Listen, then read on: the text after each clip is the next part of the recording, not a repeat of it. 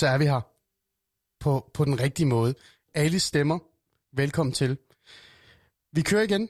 Det er blevet nat. Det er blevet øh, tid til, at jeg tager nogle spændende øh, debatter, nogle emner op.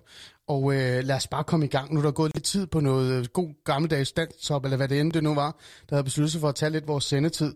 Øh, vi skal tale om autisme i dag. Vi skal tale om øh, det at have at være autist, eller være familiemedlem til en autist, eller bare møde øh, selve autismen i hverdagen, øh, på, på godt og ondt i virkeligheden. Og øh, nu er der gået lidt tid på det, så lad os bare komme godt i gang øh, og introducere min gæst, som skal hjælpe mig med at tale om autisme i dag. Pernille, er du der? Ja, det er. Fantastisk. Hej. Tak fordi du var med. Uh, tak fordi uh, du lige ventede uh, for en stund. Uh, der var lige noget dejlig musik, der lige skulle, uh, der skulle absolut forbi uh, vores program. Uh, det er jo altid berigende på en måde.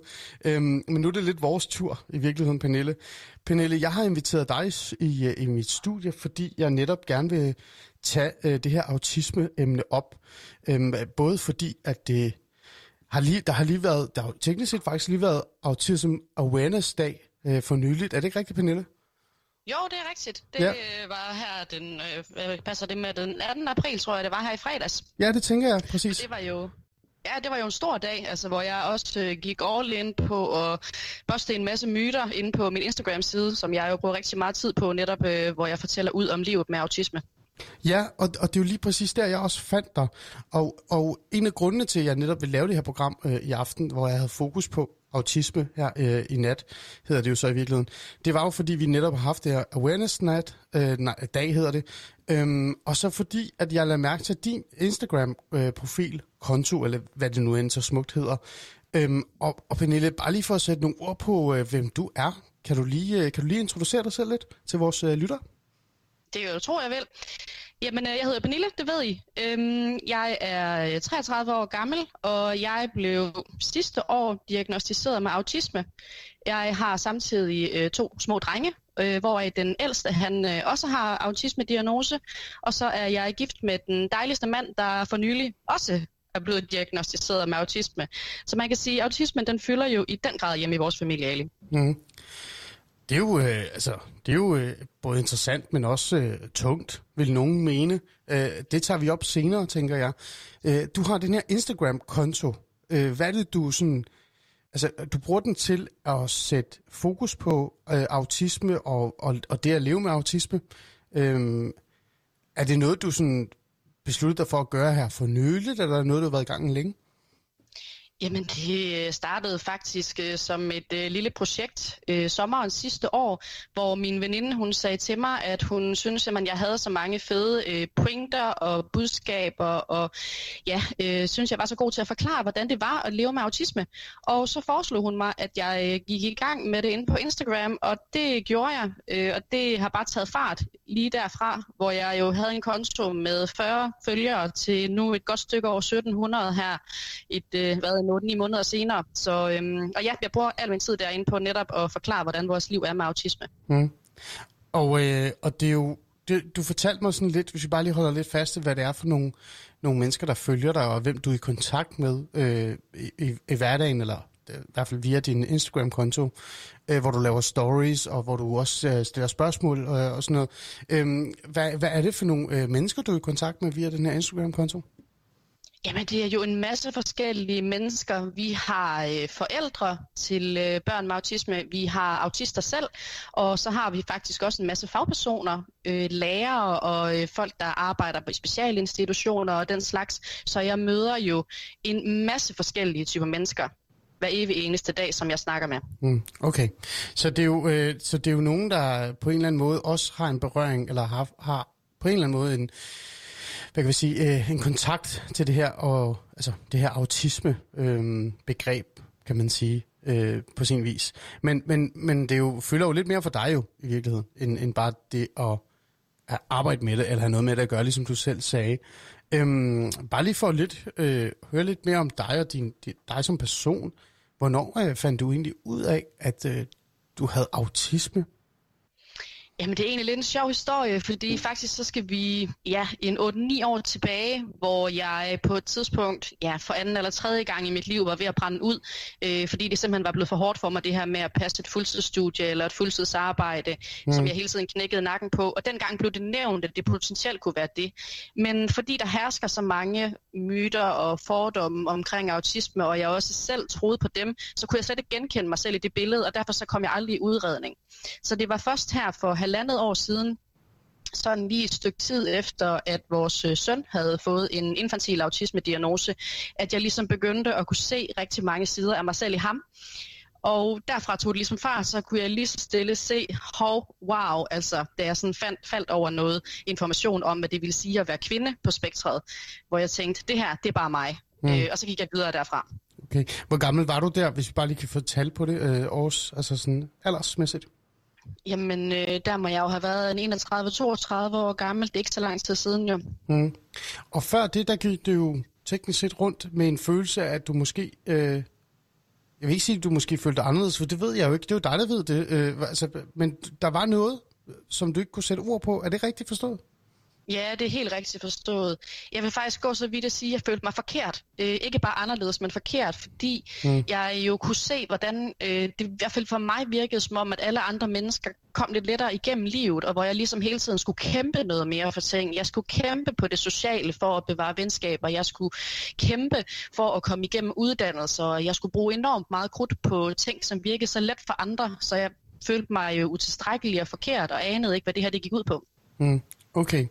Og, og var det så, altså kan man, Pernille, det lyder lidt helt, øh, det lyder lidt banalt og dumt, og i virkeligheden måske, men var det en befrielse at få en diagnose? Altså at få at vide, at, øh, at, øh, det var, der var noget autisme? Nej, det var den største nettelse øh, i hele mit liv, tror jeg faktisk, jeg kan beskrive det som. Okay. Fordi pludselig så fandt jeg nærmest min hylde.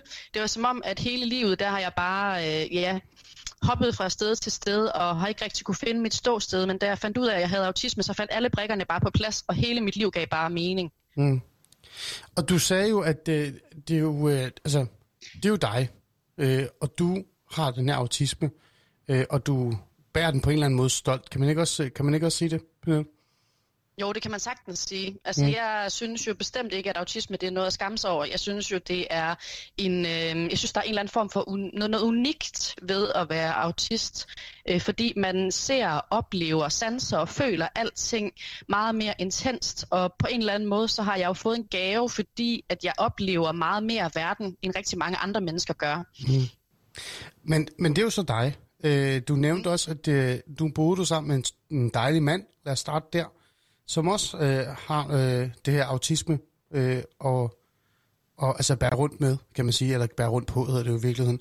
Øh, hvordan er det egentlig sådan at, øh, at være, hvad kan vi sige, øh, er I gift øh, eller er I kærester? Bare lige for at få det. I gift. I gift. I gift. Nogle gange kalder man jo også folk en, mand og kone, selvom man ikke er gift. Det, det er jo nye sider, man ved jo aldrig mere, Pernille. Så jeg er nødt til at være helt uh, skarp her. Hvordan er det at være gift med en autist? Jamen ærligt talt, det er faktisk utrolig befriende. Det, der har været så øhm, specielt, vil jeg sige, i mange af mine tidligere parforhold, er, at jeg altid har haft vanskeligheder sådan, med den indbyrdes forståelse. Men med min mand, indbyrdes der var forståelse? Der jo en Altså, ja, altså det her med, at nogle gange så, særligt kvinder for eksempel, har en mm. tendens til at pakke ting lidt ind og ikke sige det særligt direkte og komme med hensydninger og den slags. Mm. Sådan er jeg overhovedet ikke, fordi som autist er jeg meget mere direkte, jeg er meget mere ligefrem i min øh, fremtoning og min måde at sige og gøre ting på, mm. og det er der mange mænd, der har haft svært ved at finde rundt i. Okay. Øh, det kunne være nogle af de ting. Øhm, og der er min mand jo præcis på samme måde, så der har så mange fællestræk os imellem, som bare har gjort, at vi har forstået hinanden på en helt unik måde. Mm. Okay. Det er, jo, det er jo interessant. Det er lige før, at uh, parforholdet er blevet mere ærlig ved, ved at finde en, der har samme autisme, eller i samme spektrum måske, uh, som dig selv.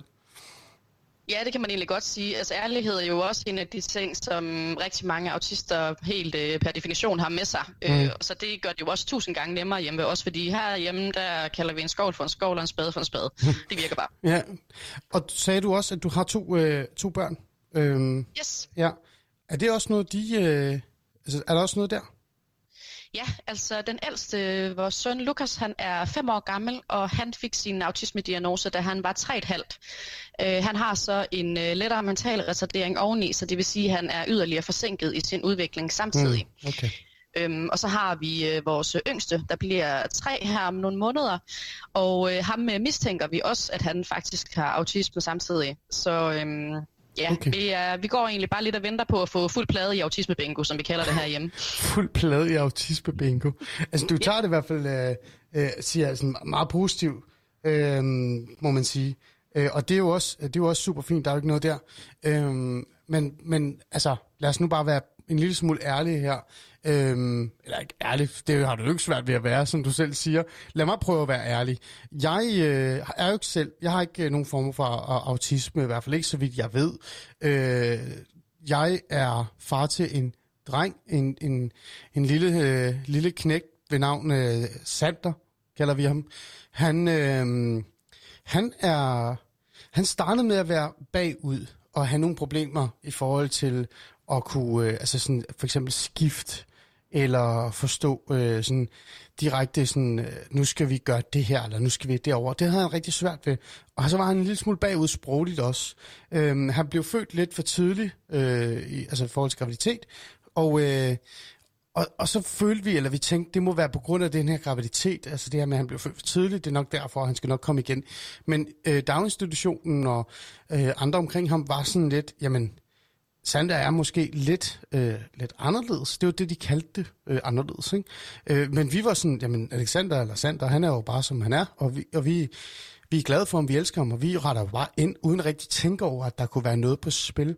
Vi fandt så ud af senere, at, øh, at øh, alle omkring os synes faktisk, at det ville være en god idé at undersøge ham. Øh, ligesom du sagde det her med, at, at øh, din øh, yngste også skal undersøges, den ældste er undersøgt. Ikke? Øhm, og vi endte jo med at øh, komme i psykiatrien, og han fik den her form for undersøgelse, hvor jeg også deltog, hvor det både var kognitivt og leg og sådan nogle forskellige ting. Og han endte med at få en, øh, en autisme-diagnose, øh, lille Sander her, på en meget, altså meget, meget øh, ung, altså meget tidlig, må man sige. Ikke? Øh, han var også cirka tre år, tre et halvt, tre år. Og, og man talte faktisk allerede om, at vi skulle kigge på det her, øh, da han var halvanden år. Øhm, og det var svært for mig at være i som far. Det var også svært for min kæreste at være i. Altså, fordi vi var sådan lidt, jamen han er, bare, han er bare anderledes. Kan vi ikke bare acceptere det og så arbejde videre? Men folk havde meget travlt med at putte ham i en, en kasse og give ham den her diagnose, autisme. Øhm, er det ikke svært, altså som forældre, også når man selv har det, altså tæt på, og også har diagnosen selv, er, der stadig, er det stadig lidt svært at vågne op og så tænke, mine børn også er autister, Pernille? Jo, hvis jeg skal være helt ærlig, altså der var jo et tidspunkt i mit liv, hvor jeg øh, ikke overvejede, altså overvejede, om jeg overhovedet skulle have børn, fordi jeg var oprigtigt nervøs for at sætte børn i verden, som ville få det lige så svært, som jeg har haft det. For tro mig, det er bestemt ikke nogen dans på roser at have autisme hele tiden. Det er det ikke. Øhm, men og så det, der, da han fik diagnosen, det, var, det kom ikke som noget chok. Det var egentlig noget, vi var velforberedt på, men det var stadigvæk utrolig svært at være i, at, mm. at vide, at han skulle leve med den her anderledeshed resten af livet. Jeg vil ikke gå så vidt at kalde det en sorg, det tror jeg aldrig rigtigt, det har været for mm. mig, men jeg har... Øhm, været bekymret for, hvordan han skulle få det resten af sit liv. Øh, vi var jo nogle af de der forældre, der fik at vide, at vi skulle ikke regne med, at han nogensinde begyndte at tale, for eksempel at få den smidt i hovedet i forbindelse med sådan en udredning, det er altså rigtig, rigtig svært at stå med, og vi ikke vide, om man nogensinde får en samtale med sin søn. Mm. Så der har bestemt øh, været nogle udfordringer undervejs, og der er der stadigvæk. Altså det, han, han er jo meget sat bagud og har en masse indlæringsvanskeligheder og sådan noget, så vi er jo på overarbejde i den dur, mm. øh, fordi vi har Lukas. Og især fordi vi også har, selv har diagnoserne. Altså som autist, så har man jo ofte brug for pauser i løbet af hverdagen, og det kan være rigtig svært at få struktureret de her pauser, så alle i familien får dem og det, det er faktisk en af vores største udfordringer, og hele tiden at være på vagt for, jamen, hvem er det, vi skal tage hensyn til først. Mm, okay. Øhm, altså, det er, jo, det er jo super interessant. Øhm, jeg, øh, jeg oplevede heller ikke en sorg. så det gjorde jeg ikke, øh, og det tror jeg heller ikke, jeg på et eller andet tidspunkt altså, havde en idé om, jeg ville. Øhm, det tænker jeg heller ikke var noget, min, øh, altså, min kæreste oplevede, altså hele den her sorgfølelse, eller den her virkelig sådan skuffelse. Øh, det tror jeg ikke. Og, og måske fordi vi allerede fra start vidste, at der var noget specielt med Sander, men vi grinede lidt af det, og så tænkte vi, at han er bare anderledes, så det er sgu også godt. Altså, ikke? Øhm, men det var stadig svært at acceptere, at han skulle have en diagnose i så tidlig en alder. Nu fik du jo en diagnose i en, en, altså, en sen alder. Dine børn har fået en, eller den ene har fået en diagnose i en, altså tidligt. Hvad, hvad tænker du i forhold til det? Det her med, at, øh, at øh, vi allerede, altså man allerede ved, at øh, der er noget med din søn, og så skal man bare sætte ind, eller ikke bare, men man skal i hvert fald sætte ind, så man kan hjælpe ham øh, med at korrigere og forstå øh, hans egen sådan, ja, dilemmaer, problematikker og, og så videre. Altså hånden på hjertet, jeg vil ønske, jeg havde fået min diagnose noget før. Jeg okay, tror, vil du det? Have... Altså sådan, at altså, du vil ønske, at du var en meget tidligere alder havde fået, øh, altså sådan, okay, det er det, jeg slås med, og nu skal jeg arbejde på det. Ja, det vil jeg, fordi så tror jeg mm. på, at jeg ville have kunne fået, have fået nogle værktøjer noget før, som kunne have hjulpet mig til at for det første acceptere mig selv, øh, lære at begå mig i verden, øh, mm. og på den her måde ligesom ja, få et bedre liv. Jeg tror, min barndom havde været væsentligt lettere, men, men for jeg ved, at min mor hun har jo slået med systemet i årvis for at få dem til at forstå, at jeg havde det svært, men der var jo ikke nogen, der på, den, på det tidspunkt vidste, at det var autisme, der var tale om, så Nej. det har været lidt at bokse i en pude og få dem til at lytte. Ja, altså det er jo heller ikke, altså autisme er, ret mig virkelig øh, gerne, hvis det er. Jeg føler sådan lidt, at det her med, at man er begyndt at have fokus på autisme og tale om, at autisme er noget, der eksisterer, det er jo ikke, altså, det, det er jo noget, der næsten startede for, altså for mit vedkommende, ikke? Øh, 4-5 år siden. Altså før det synes jeg ikke rigtig, jeg havde hørt så meget om det igen i virkeligheden. Så er der, der, er også, der er også en nyt fokus på det. Er der ikke det? Øh, tænker du ikke det? Altså det her med at være jo. åben omkring, at det er, det er noget, der findes? Jo, det synes jeg helt bestemt. Altså, jeg synes, jeg kan mærke, men, men nu skal jeg selvfølgelig også være ærlig indrømme, at jeg er jo først rigtig kommet ind i autismeverdenen her for et par år siden. Mm. Så det er jo først sådan der, jeg rigtig er begyndt at navigere i det. Men når jeg sådan bare tænker en 5-6 år tilbage, jamen, der synes jeg jo, det eneste, man rigtig så, det var jo alle de her øh, film, øh, der blev lavet, hvor der måske var en autist med, som jo blev portrætteret helt off. Altså, altså du tænker sådan noget Rain Man-agtige film, øh, altså, hvor, hvor, ja, hvor personen er ekstremt klog, eller... Øh, eller sådan, at det modsatte, altså multihandicappet nærmest, ikke? Jo, lige præcis, at det er som om, at det bliver de her sådan, kæmpe yderpunkter, vi har med at gøre. Enten så har vi at gøre med en ja, Brainman-type, forestiller folk sig, eller også så har vi at gøre med en, som øh, måske øh, ja, nærmest ingenting kan overhovedet. Altså det er sådan meget det, folk de, øh, mm. og befatter autisme ja. som, tror jeg. Jeg tror også, det var sådan lidt det, jeg kan huske, at, at uh, altså, jeg kendte lidt mere til det, kvæg, at jeg, jeg har noget social rådgiver erfaring. Uh, jeg arbejder som social rådgiver, eller har arbejdet i hvert fald med det uh, i længe, uh, altså i hvert fald et stykke tid, ikke? Og, og har uh, haft uh, borgere, som har siddet på den anden side af bordet med, med autismeproblematikker. Ikke? Um, så jeg kendte jo lidt til det med min, uh, min kæreste, da hun begyndte at altså før hun begyndte at rode lidt rundt i den her, den her verden og kigge på den her autismeskala, som er altså kæmpe stor, ikke? Altså virkelig. Altså der er, jo, der er jo så mange forskellige former for autisme i virkeligheden, ikke? Øhm, så det eneste, hun kendte til, det var også de her to øh, stereotyper. Altså sådan, og hun var meget sådan, okay, er min, er min søn så bare super klog, eller også så er han bare, altså så skal jeg bare i gang med at tænke, om han skal have en, altså jeg kan huske det her billede af, at at måske skal min søn så gå rundt med sådan en, et navneskilt, og så en cykelhjelm på hovedet. Kender du den? Altså den der billede af, yeah, det er sådan en autist der. Yeah, yeah. Ja. Øhm, det, er jo sådan billede, det er jo det billede, du, går op i ens hoved, og så måtte jeg jo så forklare, nej, nej, altså det, det, der er mange forskellige. Man kan, også, man kan også være autist kun socialt, for eksempel. Ikke? Øhm, så der er mange forskellige ting. Øhm, jeg tænker sådan, nu står du her. Nu er du et andet sted. Du har en Instagram-konto. Øh, lad os prøve at dykke lidt ned i den, og den person, du er nu, Pernille. Øhm, hvordan er det så? Fordi du er jo meget åben omkring det her med din autisme ikke? og din familie. Øhm, og det gør du jo, fordi jeg tænker sådan lidt, du har en mission i forhold til at tale om de her nuancer, der er. Ikke? Så vi netop ikke kun sidder og tænker på Rain Man eller den anden. Hvordan er det så at, at også altså sådan, have været en stemme i autisme-debatten, og bruge dig selv øh, via din Instagram-konto til at, at nuancere det? Jamen, det er faktisk en rigtig stor oplevelse. Det har været en kæmpe rejse for mig. Øh, da jeg startede ud, var det jo egentlig bare sådan et lille, lille hyggeprojekt. Ikke mm. noget, jeg havde forestillet mig, der skulle komme det store ud af. Men det er jo blevet ret stort egentlig. Altså, jeg snakker jo med op imod 50 forskellige mennesker om dagen øh, nogle gange. Simpelthen fordi, at der er så stor efterspørgsel efter viden. Og jeg laver jo opslag flere gange om dagen også. Det skal siges, det er min særinteresse. Både autisme og det at skrive. Så øhm, Instagram, det er jo en direkte fodring af øh, netop de her særinteresser, og derfor så dyrker jeg det jo helt vanvittigt meget. Mm. Men, øh, men det er selvfølgelig lidt specielt det der med at dele ud af sit liv, og være en sådan lidt mere offentlig person. Altså selvom det jo ikke er, fordi jeg har den største konto, så sidder der jo stadigvæk flere og følger med på den anden ende, så jeg kan godt mærke, at jeg sådan tænker lidt mere over, hvad det er, jeg deler ud, øhm, sådan i takt med, at profilen den vokser. Men, mm. men min mission er netop det her med at vise diversiteten inden for autismespektret, fordi hvis man bare kigger på min mand og jeg og øh, Lukas, jamen så er vi jo vidt forskellige, os tre, selvom vi alle sammen er på spektret. Mm. Ja, altså det er jo lige netop det, øh, jeg tænker, det, det, det er jo lidt det, du gør nu, har siddet kigget lidt Instagram-konto igennem, og jeg har også været inde og kigge lidt på nogle af følgerne, så, så godt man nu kan øh, sådan kigge, altså i hvert fald dem, der har øh, skrevet eller svaret, ikke?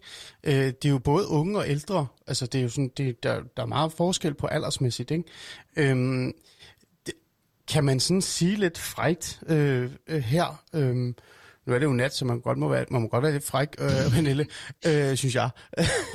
kan man sige øh, sådan lidt frækt, at det du gør, er med til at normalisere, altså at det at være autist. Fordi når man, når man kigger på samfundet, og samfundet kigger på øh, en tilbage, øh, altså i hvert fald på autister, så er de jo ikke normale. Altså de er jo nærmest, altså de er jo unormale, eller anderledes, eller, eller man kan, det er lige før man vil sige, de passer ikke ind.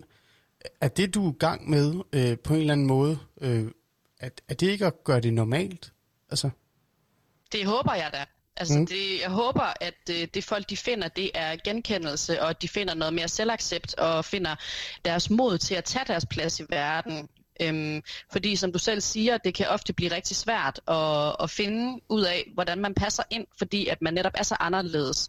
Og det kunne jeg godt tænke mig at gøre lidt op med, og sige, jamen prøv her, du er helt perfekt, som du er. Mm. Det er faktisk det, der er meget min mission, og uanset hvordan du er, og hvilke særinteresser du har, og hvordan du er påvirket socialt osv., så, videre, så er du ligesom du skal være. Din hjerne, den fungerer bare anderledes, og det er en smuk ting på rigtig mange punkter. Mm.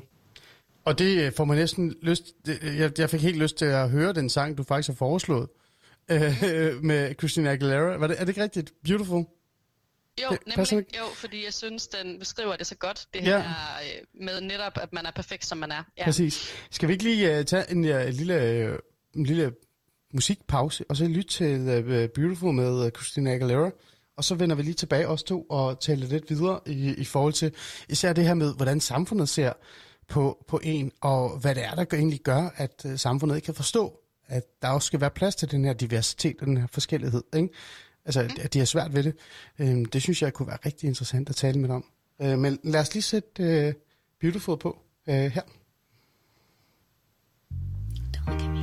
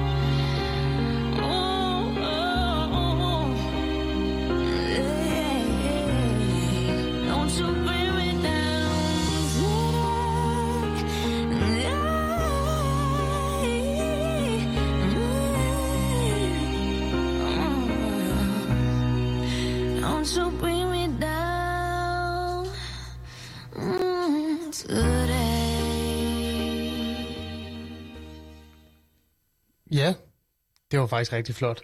Det, det synes jeg faktisk. Uh, beautiful med uh, Christina Aguilera. Hvad, hvad tænker du, Pernille?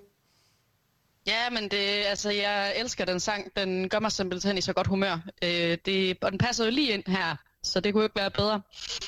Og den sætter jo ord på nogle af de der ting, du, du sagde, i forhold til det her med, at uh, man skal bare være, altså, kunne være sig selv, og man er beautiful no matter what, det er på en eller anden måde, ikke? at man er skøn ligegyldigt, hvordan man er, og man skulle kunne passe ind. Øhm, er det ikke rigtigt? Jo, lige præcis. handler netop om det her med, at man er perfekt, som man er, og at man er smuk, uanset hvad andre tænker. Og det er i hvert fald en af de ting, som jeg har bøvlet rigtig meget rundt i, i, i særligt mine teenageår, hvor jeg har følt mig enormt alene og forkert, og ikke at jeg passede ind nogen som helst steder. Så gør sådan en sang som det her bare noget godt, fordi jeg, jeg er perfekt, som jeg er. Mm. Og det var også en af de ting, du sætter ord på på din Instagram-konto, synes jeg. Altså det her med den der forskellighed, den der diversitet, det der med at være uperfekt, nogen vil kalde det. Øhm, før vi dykker ned i den følelse, så er det jo, sådan, så er det jo samfundet, der gør, ikke? Altså, sådan, det lyder sådan virkelig sådan dømmende, altså sådan, vi peger fingre på, det er samfundets skyld, det hele, det, ikke, det synes jeg ikke, det er det, jeg prøver på. Det, jeg prøver at sige, det er sådan, samfundet har jo skabt nogle, nogle kasser til os, i virkeligheden, ikke? Altså, man skal være sådan, øh, der er også hele den her idé eller forståelse af, at man skal kunne arbejde 37 timer, man skal skynde sig igennem sin uddannelse, man skal præstere øh, maksimalt, og hvis man ikke gør det, så er man, så er man forkert eller så, man, så er der noget galt med en. Og så synes jeg også, at det er jo som mig, det er jo min holdning, så handler det også meget om det her med, at samfundet eller mennesker omkring en har sådan en idé om, at hvis man ikke kan det, så skal man tage sig sammen. Altså det der med, tager du nu bare sammen, ikke? Øh, jeg kan komme med et eksempel, Pernille, øh, i forhold til for eksempel øh, min lille dreng øh, Sander, når han har været på familiebesøg hos andre, eller øhm, Ja, altså bare er, er sammen med øh, nogen, som, som på en eller anden måde øh, gerne vil have den her stramme øh, tilgang. Jeg kalder det stram tilgang, men jeg ved ikke, om det er. Men for eksempel, lad mig komme med et eksempel, øh, spis mad. Altså at man sidder øh, med en masse familiemedlemmer, og man sidder ved bordet, og nu skal man til at spise aftensmad. Og alle skal jo være der, fordi nu skal man sidde pænt, og nu kommer maden, og alle skal være glade, og man skal spise det her mad. Der kan Alexander jo meget hurtigt, selvom han er sulten, kan han jo godt vende sig om og kigge på mig og føle sig usikker og utryg. Øh, og det er mærkeligt, men det kan han, selvom at det alle sammen er familiemedlemmer, han kender. Og det, der sker for ham, det er jo så, at han på en eller anden måde føler, at der er for meget larm, eller han kan ikke håndtere situationen lige nu, eller kan ikke sådan være i det. Så derfor så har han jo så har han behov for at komme væk fra bordet. Og det er der jo så nogen, der tolker som altså uhøfligt, eller mangel på dannelse, eller vi har ikke lært ham derhjemme fra, at han skal sidde og spise færdigt, når, når maden er færdig. Er det noget, du sådan kan genkende, den her sådan form for kodex, at alle skal være sådan, og hvis de ikke er det, så, så er der noget, der, der er forkert? Og jamen, det er jo en klassiker, altså særligt et eksempel. Er, er det en klassiker i virkeligheden? Ja, det der det er en klassiker, okay. altså for rigtig, rigtig mange autister, øhm, som har rigtig svært ved det her med borskik. Altså jeg vil sige så meget, at øh, i det øjeblik, man får autisme ind på livet, så er der bare rigtig, rigtig mange ting, man skal til at gøre op med sig selv, og man har lyst til at gøre, som samfundet dikterer. Fordi at det fungerer bare ikke. Altså vi lever i et samfund, der hylder fleksibilitet, omstillingsparathed, effektivitet, øh, alle de her ting, som vi på mange måder, vi på mange måder er anderledes. Altså autister mm. er jo fantastiske til at fordybe sig, de er kreative væsener, har som regel brug for noget roligere tempo og noget mere tid. Så det er rigtig svært at passe ind øhm, i de der kasser der, som du også siger, der ligesom bliver lavet. Mm. Og så vil du komme til at stikke ud på, en eller anden, på et eller andet plan.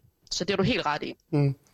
Det, det er jo lidt en sjov ting, ikke? Altså sådan en simpel, banal ting, som at sætte sig ned og spise mad. Altså, det er der nogen, der ikke kan forstå, øh, hvorfor at øh, for eksempel Sand og min søn ikke bare kan gøre ligesom andre. Ikke?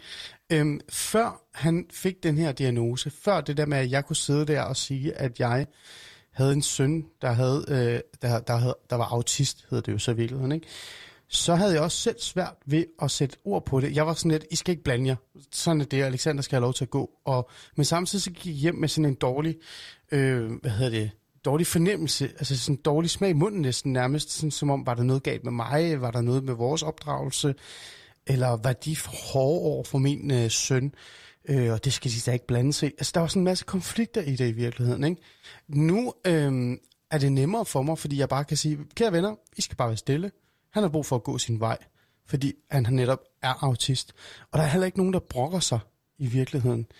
Øhm, kan man sige, at det her med, at, at autisme på en eller anden måde stille og roligt er blevet sådan mere, altså, sådan, altså, jeg vil ikke sige anerkendt, men sådan accepteret. Altså, det vil sige, når man så endelig taler om elefanten i rummet, som vi så kommer ind på senere, vores næste gæt, øh, gæst bruger meget tid på at i talsætte det her med at i talsætte elefanten i rummet. Kan man sige sådan, at, at det er blevet nemmere øh, i hverdagen? Det der med, at man siger, hey, jeg er autist, sådan er det, accepterer det.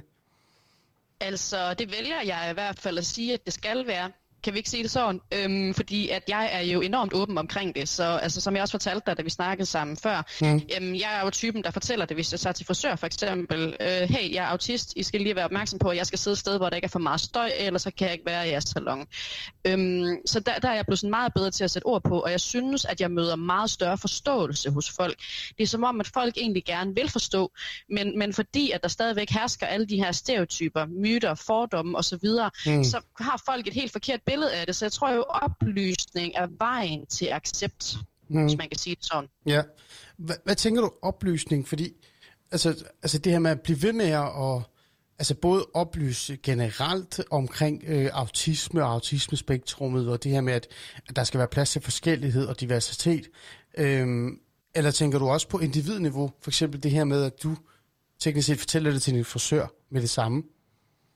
Altså, jeg vil elske, at, øh, at man kunne være så, så sikker i, altså have lyst til at fortælle det. Jeg tror nærmere, det er det, der er problemet. At man netop kan blive bange for at fortælle andre mennesker, at øh, man er autist, fordi man er bange for at blive dømt på forhånd.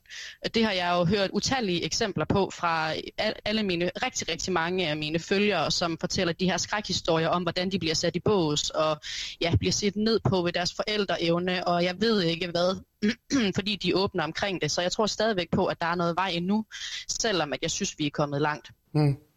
Lad os prøve at være lidt ærlige igen her. Øhm, når du har været til frisør eller været et eller andet sted henne og sagt, at øh, prøv, jeg er autist, sådan er det. Er du, øh, du siger, at du er blevet mødt positivt. Øh, hvad med det negative? Har du oplevet det? Ja, det har jeg, øhm, men det har mest været, altså det er sådan lidt misforstået, kan man sige, mere end egentlig negativt. Altså så bliver det meget med den der, ej, jeg kender også en, der er autist, og du er der overhovedet ikke ligesom vedkommende. Øh, ah, den ej, kender jeg godt. Det er jeg også ja. ikke. Nej, ja. sjovt nok, ikke? Og det er jo. så der, vi igen møder det her med diversiteten og stereotyperne, fordommene, og så må jeg til at forklare. Men det gør jeg gerne, fordi kan jeg nu bare ændre et enkelt menneskes opfattelse, så kan det være, at hun fortæller det til nogle flere, og på den måde spreder vi langsomt ringe i vandet. Men er det ikke også 13? Altså helt ærligt. Klokken er 0047. Det er nat. Jeg har dig. Du sidder øh, derhjemme øh, trygt i din stue og har din... Var det ikke din mands øh, gamer-headset, du har sat på? Øh, jo, jo, jo. Det, det må også give lidt tryghed. Lad os nu, lad os nu være lidt ærlige igen øh, over for hinanden. Er det ikke også 13?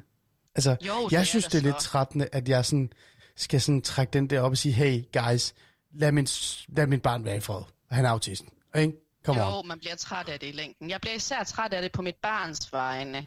Altså, jeg, jeg yeah. har sådan lidt uh, rimelig cool omkring det med mig selv, men altså nu var vi jo zoologisk have for, for ikke særlig mange dage siden. Mm. Øhm, og der øh, var, havde vi en klassisk oplevelse, hvor der var nogle forældre, der stod vores barn. Han øh, ja, var helt vildt glad, og når han bliver sådan meget i stadie, så snorer han rundt om sig selv, og det kan godt se lidt Nå, det underligt sødt. ud, hvis det er, man ikke lige helt ved. Ja, netop. Jeg synes ja. jo også bare, at det er mega cute, men lad nu det være. Øh, det synes de til synlædende ikke kiggede på ham, rynkede på næsen, og så var der en af de andre familiemedlemmer, der sagde, han er da godt nok ikke helt normal. Så jeg kunne høre det. Han er godt øhm, nok ikke normal. Ja. Ja.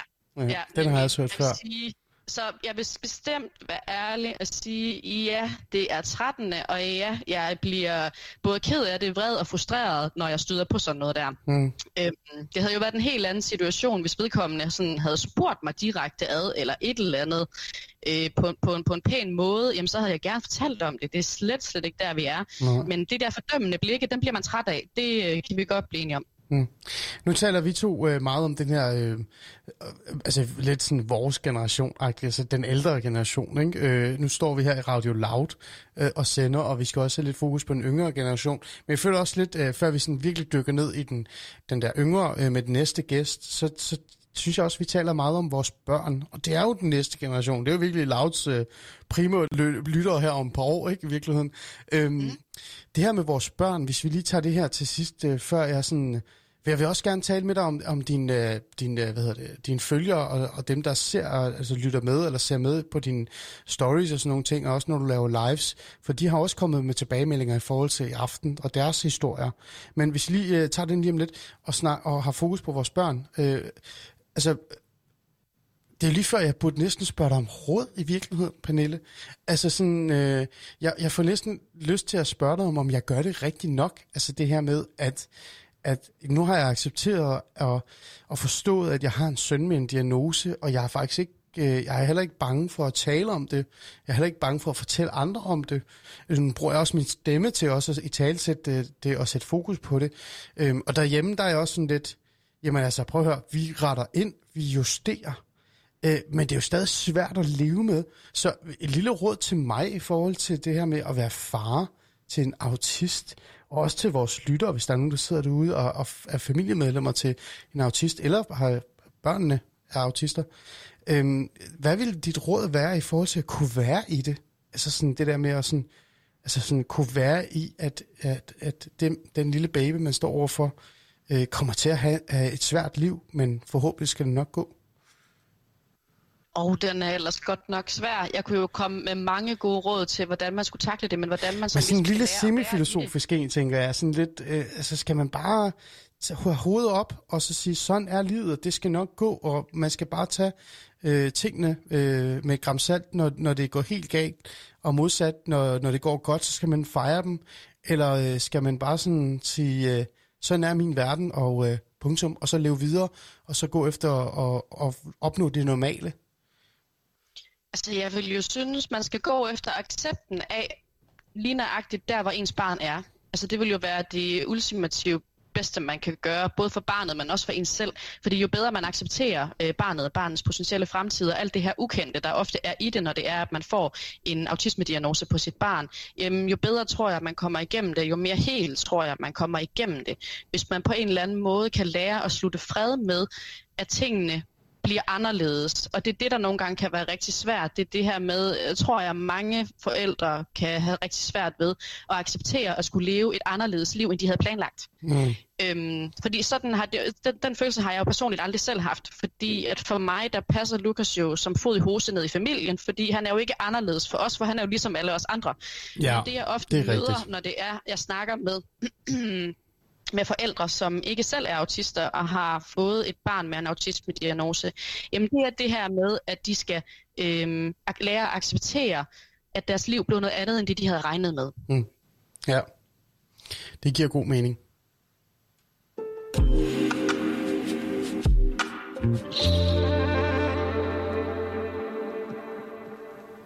Jamen, øh, I lytter til Ali Stemmer. Klokken er øh, ved at runde øh, øh, den første time i virkeligheden. Jeg har været Pernille i studiet med mig, og vi taler om øh, autisme. Mit navn er Ali Amin Ali, som altid jeres vært. Og øh, til jer, der virkelig øh, lytter godt med, og lytter tit med øh, i forhold til sådan vores det her sceneprogram, så kan I også så har I nok lagt mærke til, at øh, vores nattetime øh, er blevet rykket en dag. Øh, og det er øh, en lille ny ting, der er sket, fordi vi har givet plads til en, et andet øh, natprogram, som, som kommer øh, og hjælper til i ugen, så jeg ikke behøver at være vågen hver nat. Pernille, det tænker jeg, at øh, det tror jeg, vi begge to er enige om, at det kan også være lidt hårdt i virkeligheden. Ikke? Øh, oh, ja. men, men altså, øh, bare lige for at, at sætte det, det praktiske på plads, eller rammerne, sådan, så man sådan et eller andet sted ved, det er fremadrettet til jer, der, der lytter med. Øh, alle stemmer øh, bliver sendt stadig. Det bliver bare sendt øh, i stedet for natten til mandag, så bliver det natten til tirsdag, og natten til onsdag, og natten til torsdag i stedet for. Men det er stadig, øh, som altid, der øh, 0005-agtigt. Og øh, jeg lover, at øh, når vi sender i morgen, så er der ikke en eller anden super frækt øh, dansk top musik, der kører ved siden af. Det var bare lige øh, i aften, der lige skulle være lidt krydderi øh, med. Men øh, når det er sagt, vi kører stadigvæk. Vi har stadig fokus på autisme. Jeg har stadig Pernille i studiet. Hej Pernille, tak fordi du var med med i aften. Jamen hej. Tak ja. fordi jeg må få lov at være med. Det er jo det. Øh, det er jo sådan lidt sjovt at sige hej til hinanden lige, men, men altså hvorfor ikke? Øhm, Pernille, lige før der talte vi jo om det her med samfundet. Vi kommer også ind på din, din familie og dig selv i forhold til autisme og hvad du selv øh, har været igennem, kan man sige på en eller anden måde. Ikke? Hvornår du selv fik øh, autisme-diagnosen også. Øh, jeg fortalte også lidt om min søn. Øhm, alle de her ting er utrolig vigtigt, når man netop i talsæt autisme og, og finde ud af, hvad er det egentlig, det, hvad, altså hvad er diversiteten i det, og hvorfor er det samfundet ikke kan forstå det. Øhm, det er jo super vigtigt, men der er også nogen, der har, øh, der følger dig, som jeg sagde, som har givet dig nogle feedback, eller nogle historier, eller nogle tanker med, som, som jeg gerne vil høre, øh, da du sagde, at du skulle være med i det her program, for netop at, at sætte fokus på autisme, ligesom vi har gjort her den første time. Øhm, ja. Skal vi ikke dykke ned i den og, høre, og, og lad mig høre, hvad, hvad, hvad folk har skrevet og sagt til dig? Egentlig. Først vil jeg faktisk bare gerne vide, hvad, hvad synes egentlig folk om, at du skulle være med i det her program? Jamen, jeg har jo fået sindssygt stor opbakning. Altså, jeg har jo flere følgere, der sidder og lytter med derude, så jeg vil godt lige lov at sige hej til jer. Tusind tak, fordi I vil sidde op her i aften. Det er simpelthen så sødt af jer. Det er fantastisk. Øhm, ja, det er mega fedt. Så det er altså virkelig bare engagement, så det basker. Det er super nice. Øhm, og derudover, jamen, så har jeg bare kun fået positive henvendelser. Jeg har fået nogle forskellige spørgsmål og lidt emner og sådan noget, som øh, folk de budt ind med, de godt kunne tænke sig, at vi tog op og snakkede om her i aften. Mm. Altså jeg tænker sådan, vi kan snit nå det. Vi har stadig halvanden time tilbage, eller en time i hvert fald. Øh, vi har lige en anden gæst, vi skal have ind over der er nogle refleksioner og nogle tanker, vi selvfølgelig skal have med der også, fordi det netop sætter nogle ungdomsperspektiv på det. Men jeg har det sådan lidt, øh, lad mig lige først spørge, øh, hvad var de største dilemmaer eller tanker, der kom? Altså dem, der sådan er kommet igen og igen og igen i de, øh, de tilbagemeldinger, du har fået? Altså jeg har to ting, der er kommet meget igen.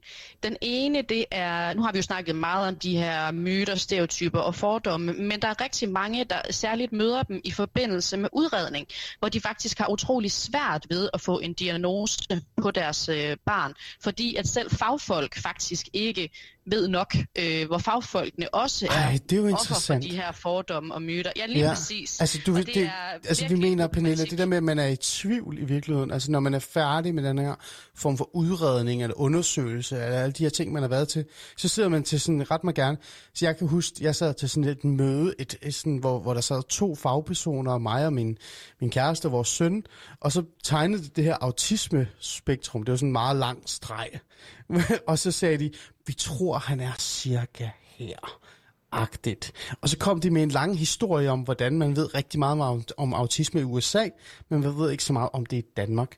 Altså er det, er det der, du tænker, altså det er der, hvor man skal sætte den der streg, hvor folk har, er lidt frustreret?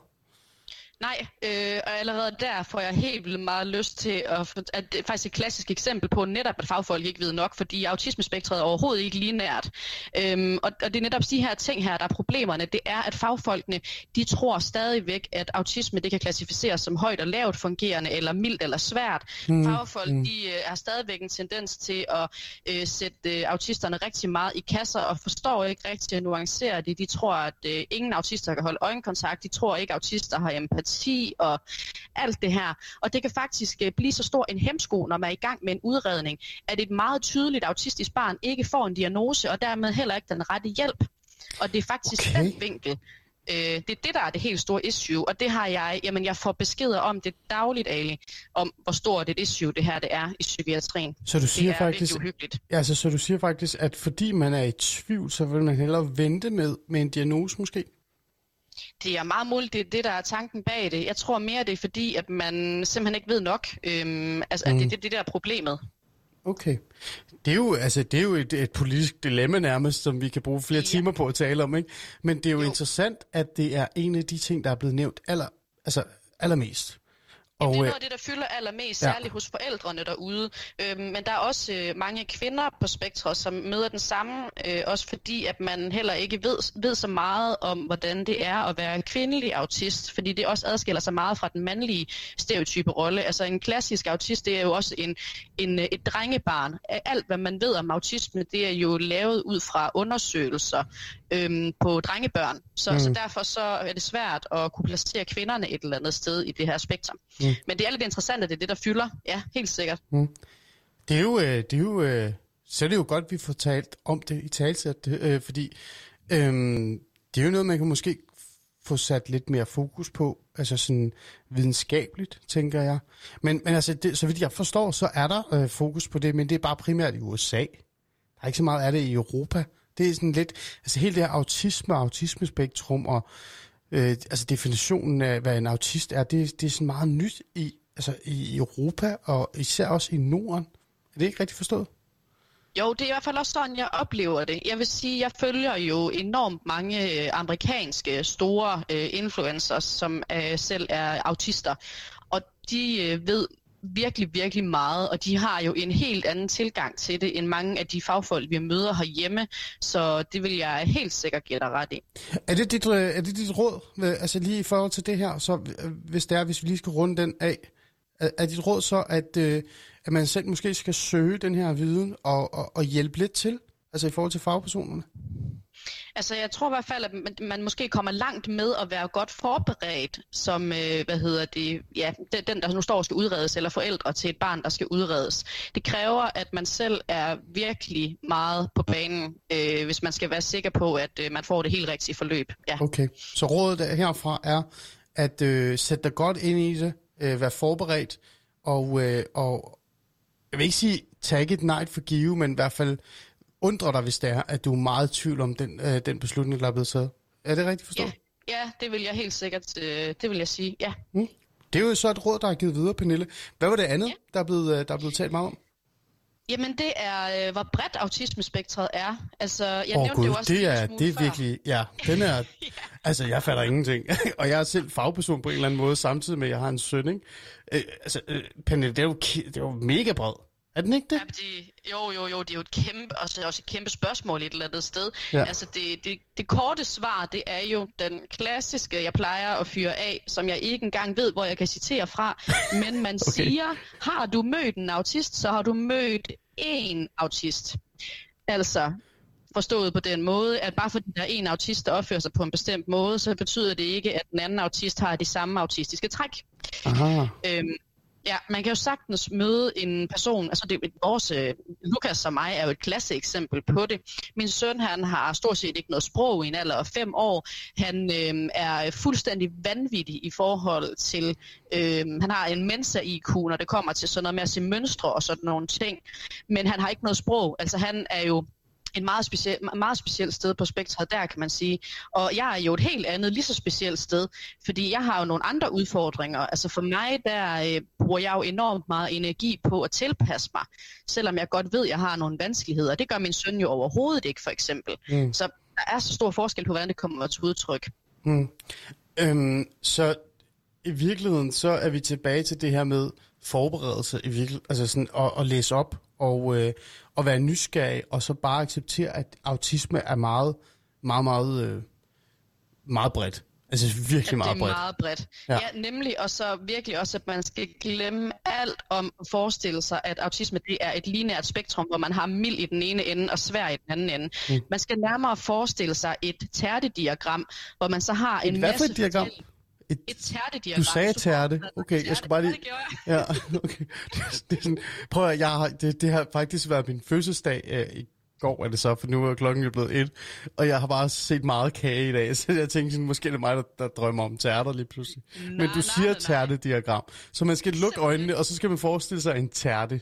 Og så ja. på den måde, Øh, øh, fortæl videre, undskyld. Ja. Jamen, hvis du så forestiller dig tærten delt ind i en masse stykker, den har måske 12 stykker, og hvert enkelt stykke, det er sådan noget forskelligt på spektret. Det kan måske være sociale evner, det kan måske være øh, stemming, det kan være øh, ja, øh, øjenkontakt, okay. ja, alle videre, de videre. forskellige ja. elementer. Ja. Og så er der så, så er der taget en, en forskellig størrelse bid af de her stykker hele vejen rundt i tærten. Så på den måde, så vil du aldrig nogensinde få to tærter, der ser ens ud. Okay. Giver det mening? Ja, det giver meget mening. Det giver super mening. Mm. Uh, ja. Så, så, så vil jeg hellere, hvad hedder det, at man anser autisme i stedet for. Mm. Så tænker jeg, at det, det måske meget godt illustrerer, hvor bredt autismespektret er. Altså jeg netop, altså følg, følg alle dem, du overhovedet kan komme sted med, der selv er autister. For mm. det er dem, der sidder med specialviden i forhold til, hvordan det vil sige at være autist. Det vil mm. også være mit råd. Mm. Men hvad med fagfolkene? Altså, sådan, jeg har det også sådan lidt, øh, bare lige for at udfordre dig en lille smule her, øh, før vi går videre. Altså, fagfolk er jo også ek, altså, ekstrem videnspersoner, men de er måske også tilbageholdende, fordi de netop er sådan lidt usikre på i forhold til, altså, det, det er jo svært som fagperson at sige ja til noget, hvis man ikke er 100% sikker på det, og der er nok evidens og nok viden og sådan noget. Øh, som et eksempel. Der er nogen, altså, nu kommer med et, øh, et skørt eller anderledes eller specielt eksempel, vil nogen mene, øh, jeg synes, det er lidt specielt, men andre synes sikkert, det er super vigtigt. Øh, der er også nogen, der siger, at autisme kan også komme, øh, fordi man har for meget kviksøl i kroppen, eller øh, man har spist forkert, eller man drikker for meget mælk. Altså sådan, øh, og, og det er jo også specielt. Og det er der også nogen, der går rundt og siger, som influencers, eller, eller folk, der sådan et eller andet sted selv slås med autisme, men de er kommet frem til, at hvis de nu øh, spiser mindre et eller andet med kviksølindhold, eller spiser mere sundt, så øh, forsvinder deres autisme. Altså, hvad med sådan nogle typer, Pernille? Skal man ikke være lidt... Altså... Jo, der, der vil jeg sige, pas på, Øh, man skal selvfølgelig heller ikke tro på alt, hvad man støder på. Øh, nu vil jeg bare lige slå fast med det samme, at autisme det er jo en anderledeshed i hjernen, og den kan du uanset hvor mange agurker du spiser, ikke fjerne. Øh, så er det sagt. Sådan, og, I hvert fald af dig. Ligesom, ja. ja, lige præcis af mig. Ja. Øhm, jeg vil gerne støtte dig her. Det var bare lige sige højt. Nå, ja. Det er jeg glad for at høre. Ja. Det er jeg glad for at høre. Øhm, og det, det synes jeg kritisk over for den information, man møder. Ja, kritisk, ja. Den er, den er rimelig vigtig, ikke? Fordi det er jo bare det midt op det der med, at vi talte om, at der er ikke noget galt i at finde uh, de her rigtig gode influencers, alle dem, der har det tæt på kroppen. Men der er heller ikke noget galt i at være en lille smule skeptisk, når det begynder at blive lidt farvet. Er det, er det ikke rigtigt?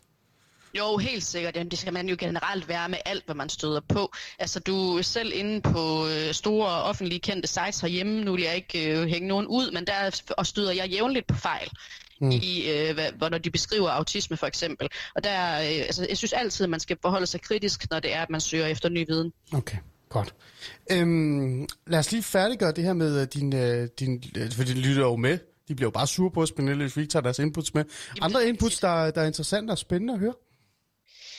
Øh, altså så er der også en, der øh, fortalte mig, det er faktisk en lidt uhyggelig historie, øhm, men hun er selv autist og har en lille dreng, mm. og det at hun har fortalt, øh, hun, har, hun har bedt systemet om hjælp, jeg kan ikke huske sammenhængen på nuværende tidspunkt, øhm, men det der kommer ud af det, det er simpelthen, at de vælger at sætte hendes forældreevne under lup af den ene årsag, at hun er autist, fordi at kommunen er overbevist om, at når hun er, hun er autist, så er hun ikke i stand til at tage vare på sit eget barn.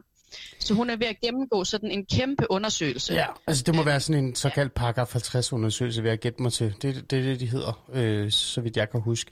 Det er jo de der ja. skrækhistorier, der kommer nogle gange. Det der med, at, ja. at både samfundet, men også øh, de sociale myndigheder lige pludselig sætter spørgsmålstegn ved ens øh, altså sådan, øh, ja, øh, forældre øh, evner for eksempel. Øhm, Lige præcis. Ja, altså, jeg tænker sådan, det, det er jo nogle af de her øh, skrækhistorier, som jeg synes er vigtige at i talsætte, fordi det sker, altså det sker virkelig.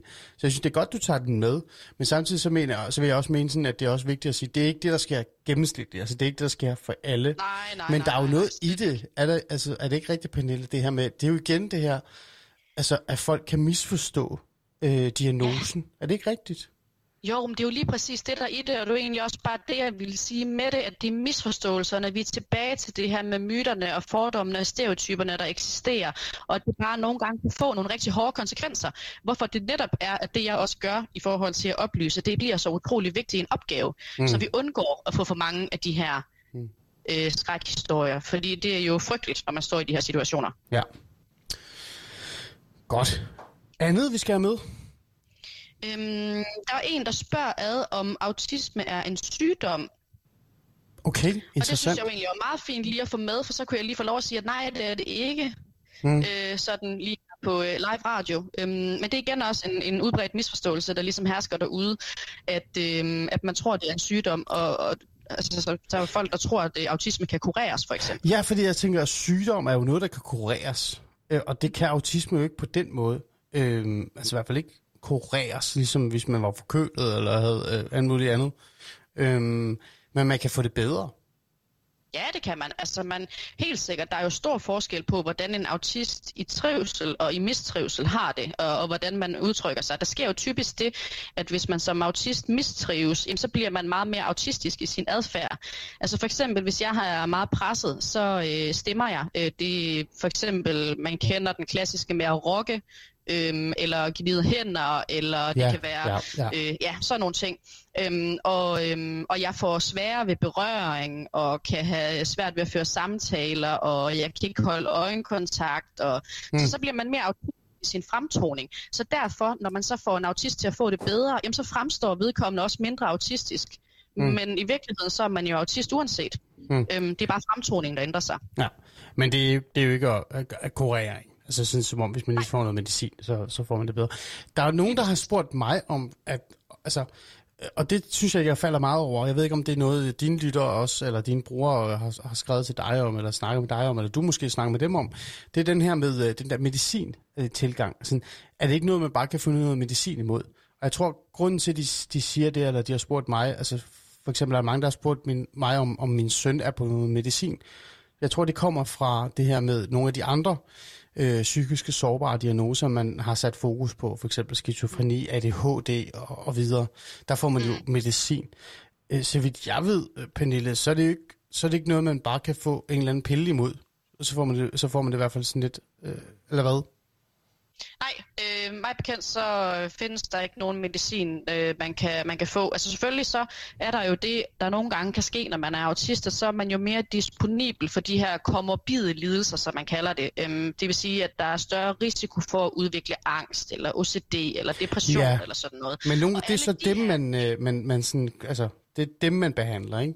Det er jo Det ikke er sådan, dem, man behandler, Ja. lige præcis, men Ja. ikke selve autismen. Og jeg tror, det er der misforståelsen opstår. Ja, okay, det tænker jeg også.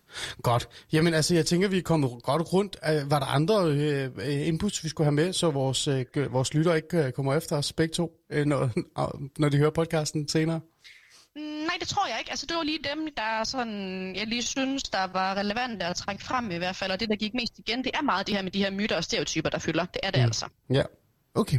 Det er jo godt. Jamen altså, så håber jeg, at øh, I, kære lytter, er, øh, er tilfredse, og at I kunne bruge nogle af Pernilles øh, svar. Øh, jeg synes i hvert fald, det er noget, jeg kan virkelig bruge, os selv. Øhm, og med de ord, så tænker jeg, at øh, vi sådan lidt hopper lidt videre til øh, det, den næste gæst, som er også noget, du har virkelig anbefalet øh, og fortalt mig om. Det er, jo, det er jo faktisk derfor, jeg har taget kontakt til vores næste gæst, som, øh, som desværre ikke kunne være med i aften her i nat, fordi hun skulle op og i skole. Øh, godt, at hun er sådan en type. Det er vigtigt, synes jeg, at hun ikke bliver op øh, og hænger ud med os. Øhm, Pernille, det var jo faktisk dig, der, der sagde, at det her det er en interessant person. Hende skal du tale med. Øh, det er Silke fra... Ej, nu glemte jeg det. Hvad- Er det ung autisme? Autisme ung? Hjælp mig, Pernille. Autisme Ungdom. Autisme Ungdom, som er en ungdomsorganisation, øh, og det tror jeg, Selke selv kan forklare om. Øhm, hvorfor var det, du, øh, bare lige meget kort, hvorfor var det, du sagde til mig, Ali, prøv at få Selke med. Hun er, hun er interessant, hun er vigtig. Det gjorde jeg, fordi at Silke hun er talsperson for Autisme Ungdom, og fordi at jeg har snakket rigtig meget med Silke øh, via Instagram, og jeg synes, hun har nogle virkelig vigtige pointer, og vi er meget på bølgelængde og ser meget ens på, øh, hvordan det er at have autisme. Og derfor så synes jeg, hun vil være helt oplagt til i dag, fordi hun, og så er hun god til at forklare sig også samtidig. Hun er så skøn. Mm. Ved du hvad, skal vi så ikke uh, trykke uh, play på båndoptageren, og så lytte lidt til min, tid, øh, min samtale øh, tidligere på dagen med Silke øh, i forhold til, øh, hvordan det egentlig er at være ung og, og have autisme, og også være en stemme i, i, i samtalen, i debatten. Øh, og så kommer jeg faktisk også lidt ind på, hvad egentlig formålet er med, at hun deltager. Altså er det bare at tale om det, eller er hun sådan mere, altså har hun mere fokus på, at nogen er træt af at tale om det, men faktisk vil ændre samfundet, så vi kan øh, altså, acceptere autister meget mere, end vi, vi, vi gør nu, og vi burde gøre. Skal vi ikke uh, trykke? Yes, gør det. Hvem er det, jeg har igennem? Øhm, hej, øh, jeg hedder Silke, jeg er 20 år gammel, og så er jeg diagnostiseret med øh, en variant af autisme, der hedder Aspergers syndrom. Og øh, til hverdag, der øh, studerer jeg HF enkeltfag, og når ikke jeg gør det, så bruger jeg al min tid i øh, Autisme Ungdom, hvor at jeg er øh, talsperson slash lady in charge. lady in charge. Du lyder sådan uh, meget uh, empowerment-agtigt, men, men det er jo måske ja, sådan, jeg, det er. Jeg, jeg kan godt lide at se det sådan, men i virkeligheden, så er det egentlig bare mig, der sidder og prøver at finde ud af, men, hvad er det så egentlig, at foreningen mener om det her, og så kommunikerer det ud til andre mennesker, så det giver mening. Okay. Der, men det er jo også fint i virkeligheden. Det er jo kun godt, der er der tager styring her. Hvad sagde du, øh, organisationen hed? Lige hurtigt igen. Øhm, Autisme Ungdom. Autisme og vi Ungdom. er øh, øh, Danmarks øh, ungdomsorganisation for unge med autisme og unge pårørende til mennesker med autisme i alderen 13 øh, til 30 år. Okay. Det vil sige, når man bliver 30, så overgår man til at være støttemedlem Mm. Og så er vi, øh, vi er Landsforeningen Autismes Ungdomsorganisation. Mm. Men okay. vi, er, vi er også vores egen selvstændige stemme, så det er nok nærmere et rigtig godt samarbejde end egentlig øh, de bestemmer over os, og vi kommunikerer direkte videre til dem, ligesom man ser i ungdomspartierne. Ikke? Mm. Okay, øh, ja, det giver god mening. Selje, der er noget uh, interessant. For det første, så, uh, altså, nu har vi, optager vi jo det her før uh, afsnittet uh, i nat, fordi du havde, uh, du havde en travl dag, og du skal også i skole i morgen. Uh, så det her, det er jo ikke sådan en, en, et rent typisk random opkald. Vi har jo talt sammen før, og jeg har jo været meget interesseret i at tale med dig, Silke, netop fordi ja. du er jo en lille smule kendt stemme derude. Man har jo set dig før i forhold til det, autisme-debatten. Men før jeg sådan ville lige dyrke ned i det, så var der noget interessant, jeg synes, øh, og, øh, som jeg lige skal bare sådan lige hurtigt have nogle øh, ord på. Da jeg talte med dig om, at øh, om nu skal vi lige huske at introducere dig, så sagde du, super, så kommer jeg med navn, alder, øh, diagnose, og så sagde jeg, diagnose? Det behøver du ikke. Og så sagde du til mig, hvorfor er det, du lige tager diagnosen med med det samme? Er det, og du sagde også noget med, at det er noget, du altid gør. Hvorfor det? Bare lige for at uddybe det. Altså for mig der er det lidt for, at øh, vi kan lige så godt sætte spotlight på elefanten i rummet med det samme, ikke? Øhm, mm. For mig der er min diagnose et øh, redskab til at skabe noget forståelse for, hvorfor at jeg er, som jeg er, og jeg agerer, som jeg gør. Mm. Øhm, jeg øh, øver mig meget i at lade være med at gemme min autistiske træk væk, fordi det kræver sygt meget energi at lade, som om man er noget, man ikke er. Så når folk på forhånd ved, at man har autisme, så er de sådan lidt mere, når jeg er okay, det, så giver det mening, at hun sidder og tripper på stolen, eller kommer til at stille et eller andet spørgsmål, der er totalt usammenhængende i den her kontekst, fordi man har ligesom sagt det. Man ja. undgår, at man undgår, at folk de bliver super sure og tænker, ej, hvor er hun fucking mærkelig eller irriterende, fordi at hun, mm. gør sådan der. Og samtidig, når jeg er med i et program som det her, hvor at det netop er mit autismesperspektiv, jeg, jeg, jeg taler ud fra, og jeg bliver inviteret med, fordi jeg er talsperson for autisme og ungdom, så giver det rigtig god mening, at jeg nævner min diagnose med det samme, fordi så ved folk, at det er ikke bare endnu en pårørende, der stiller sig op og taler på vegne af mennesker med autisme. Det er en person med autisme selv, der er trådt ind i den her rolle, og en, en, en autentisk autistisk stemme, der udtaler sig om det her. Og, og det kan jeg godt lide, at det er bare på plads med det samme. Ikke? Mm. Det er en sjov, øh, det er en sjov ting, du, altså, du siger det her med, at så bliver det sagt højt, elefanten i rummet, og det er noget, man sådan på en eller anden måde, øh, altså, man er på en eller anden måde med til at kvalificere ens, øh, sådan, jeg vil sige, dem omkring en, i forhold til, hvorfor det er, man er, som man er, eller hvis man kommer til at lave en mærkelig udtalelse, eller man siger noget øh, specielt, eller man sidder mm og er lidt stille, eller man rocker for meget. Øh, altså sådan på en eller anden måde sådan... Øh, det er jo noget, du ikke er bekymret for, og ikke pakker væk. Men det er der jo øh, mange, der gør, fordi de føler så, at de er unormale. Altså sådan, de vil jo gerne være normale. Øhm, mm-hmm. hvad, tænker du, hvad tænker du om, om, om det, det her med, at, at øh, nu gør du det på den måde, men der er også andre, der sådan har svært ved det? Mm. Jeg kan sagtens forstå, at folk pakker deres autisme væk og maskerer sine autistiske træk. Det har jeg også selv haft gjort rigtig meget i, øh, i rigtig, rigtig mange år. Øhm, jeg er dog øh, kommet til den erkendelse, at øh, al den energi, jeg bruger på at gemme min autisme væk, det er ikke det værd. Jeg bliver så træt og så drænet. Mm. Og jeg vil meget hellere bruge min energi på at, at udrette noget godt.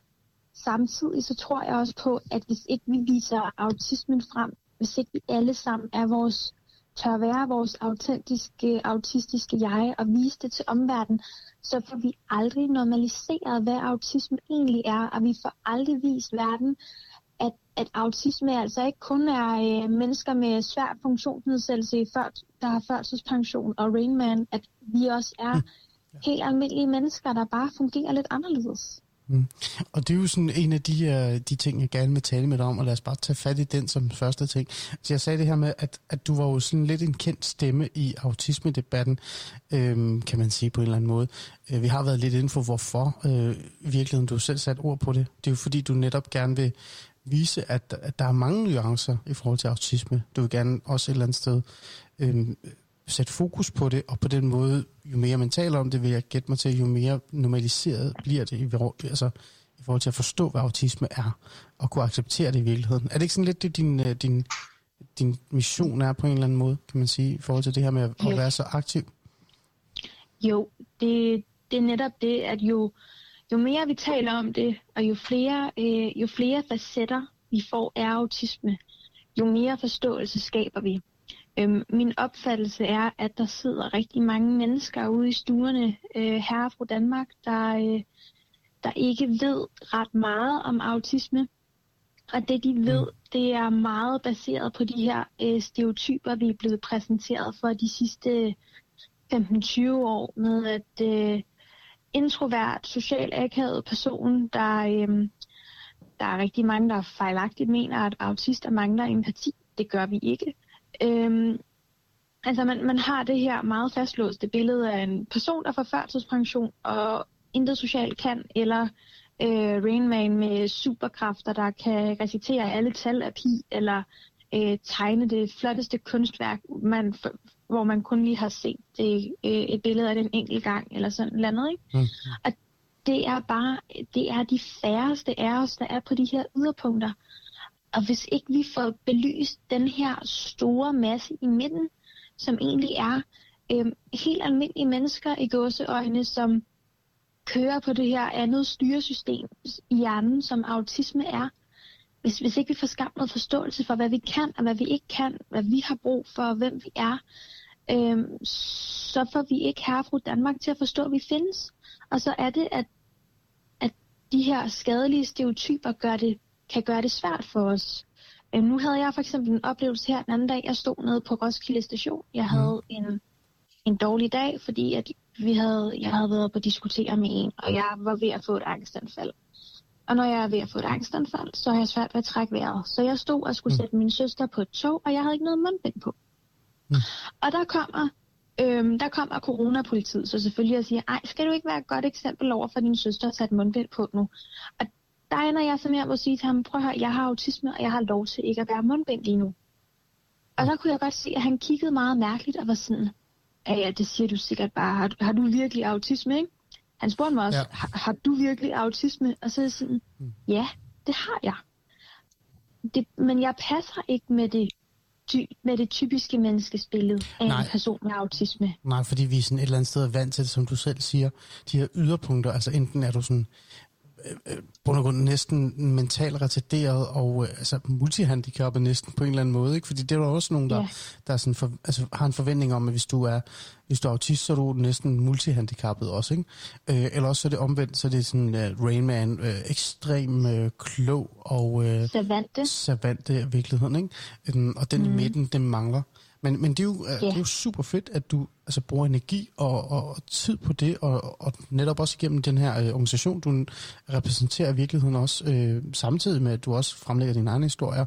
Øhm, og det kommer også hen til, altså nu kommer vi over til det, det andet spørgsmål, jeg har sådan lidt til dig. Øh, det er jo det her med, øh, vi kom lidt ind på, sådan, at, at du og øh, den her organisation, og jeg gætter på, også rigtig mange unge omkring dig med de her problemstillinger, gerne vil sådan belyse øh, vil gerne vil fortælle samfundet og os andre, hvad autisme reelt set er, og hvordan vi skal forstå det, og hvordan vi på en eller anden måde også skal skabe plads til det i samfundet. Mm. Øhm, hvordan ser øh, den næste generation, den nye generation, den unge generation på hele det her autisme øh, og øh, diagnose øh, hvad hedder det, ja, verden, kan man næsten på en eller anden måde sige det.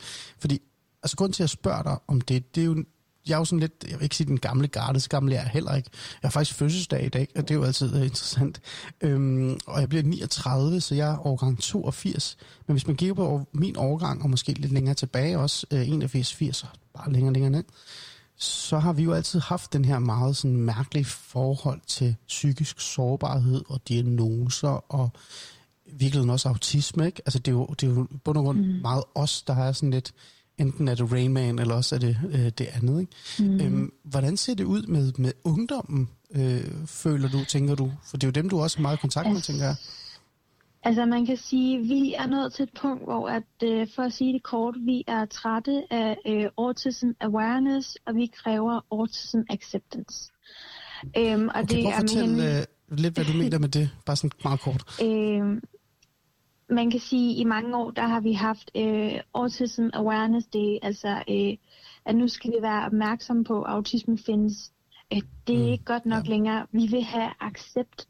Vi vil have, at det er ikke os, der skal ændre os for at passe ind i samfundet. Det er samfundet, der skal ændres for at skabe plads mm. til mennesker som os. Og det ser vi jo med mange øh, typer af øh, diversitet. Vi ser det med vi ser det med, hvor meget der er blevet lavet plads til LGBTQ-mennesker hen over de sidste 20 år. Vi ser det med øh, feminismen, MeToo-bølgen. Øh, vi ser det med, at flere og flere åbner op omkring psykisk sygdom og psykisk sårbarheder. Altså, der er meget mere fokus på den diversitet, man ser hos mennesker. Også, at der kommer et helt andet fokus på racisme, for eksempel, mm. og hvordan mm. det egentlig er at være sort eller asiat, eller ja. hvad, hvor man ellers skal være præsenteret på det spektrum. Mm. Så for mig er det meget naturligt, at i den her proces, der tager vi neurodiversiteten med. Vi skal også have sat fokus okay. på, hvordan det er at have en hjerne, der ikke fungerer som en gennemsnitlig hjerne, med alt, hvad det inkluderer af fordele og ulemper, og vi skal have skabt plads mm. til, at vi kan fungere i samfundet. Mm. Hvordan føler du så, at du bliver mødt? Øh, altså, jeg siger ikke, vi skal glemme den øh, ældre generation. Øh, det kan vi tage måske bagefter, men hvad med den yngre? Altså, den, øh, den nye generation, kan man kalde det på en eller anden måde, og fremadrettet? Altså, er der større altså, forståelse for det her, og, og, og faktisk måske også en nysgerrighed? Øhm, både og, vil jeg sige. Mm. Øhm, det kommer meget an på, øh, det kommer meget an på, hvad de unge selv har med i bagagen. Altså, øhm, hvis man kommer fra et hjem, hvor det har været normalt at stille, at stille spørgsmålstegn med ting og være åben over for sådan noget, så ja, mm. der møder jeg rigtig mange unge, der er åbne og accepterer mig og forstår mig. Men jeg møder også unge med et, et snævert gammeldags perspektiv, som selvom jeg kommer og siger, at jeg har autisme, jeg har de her, de her udfordringer, mm. at de simpelthen ikke vil lave plads. At de simpelthen ikke øh, vil lytte på mig og med vilje vil misforstå mig, fordi at det, det passer ikke med deres verdensbillede. Mm. Men jeg synes, det er færre i min generation, jeg møder med det perspektiv, end fra de, de ældre generationer. Okay.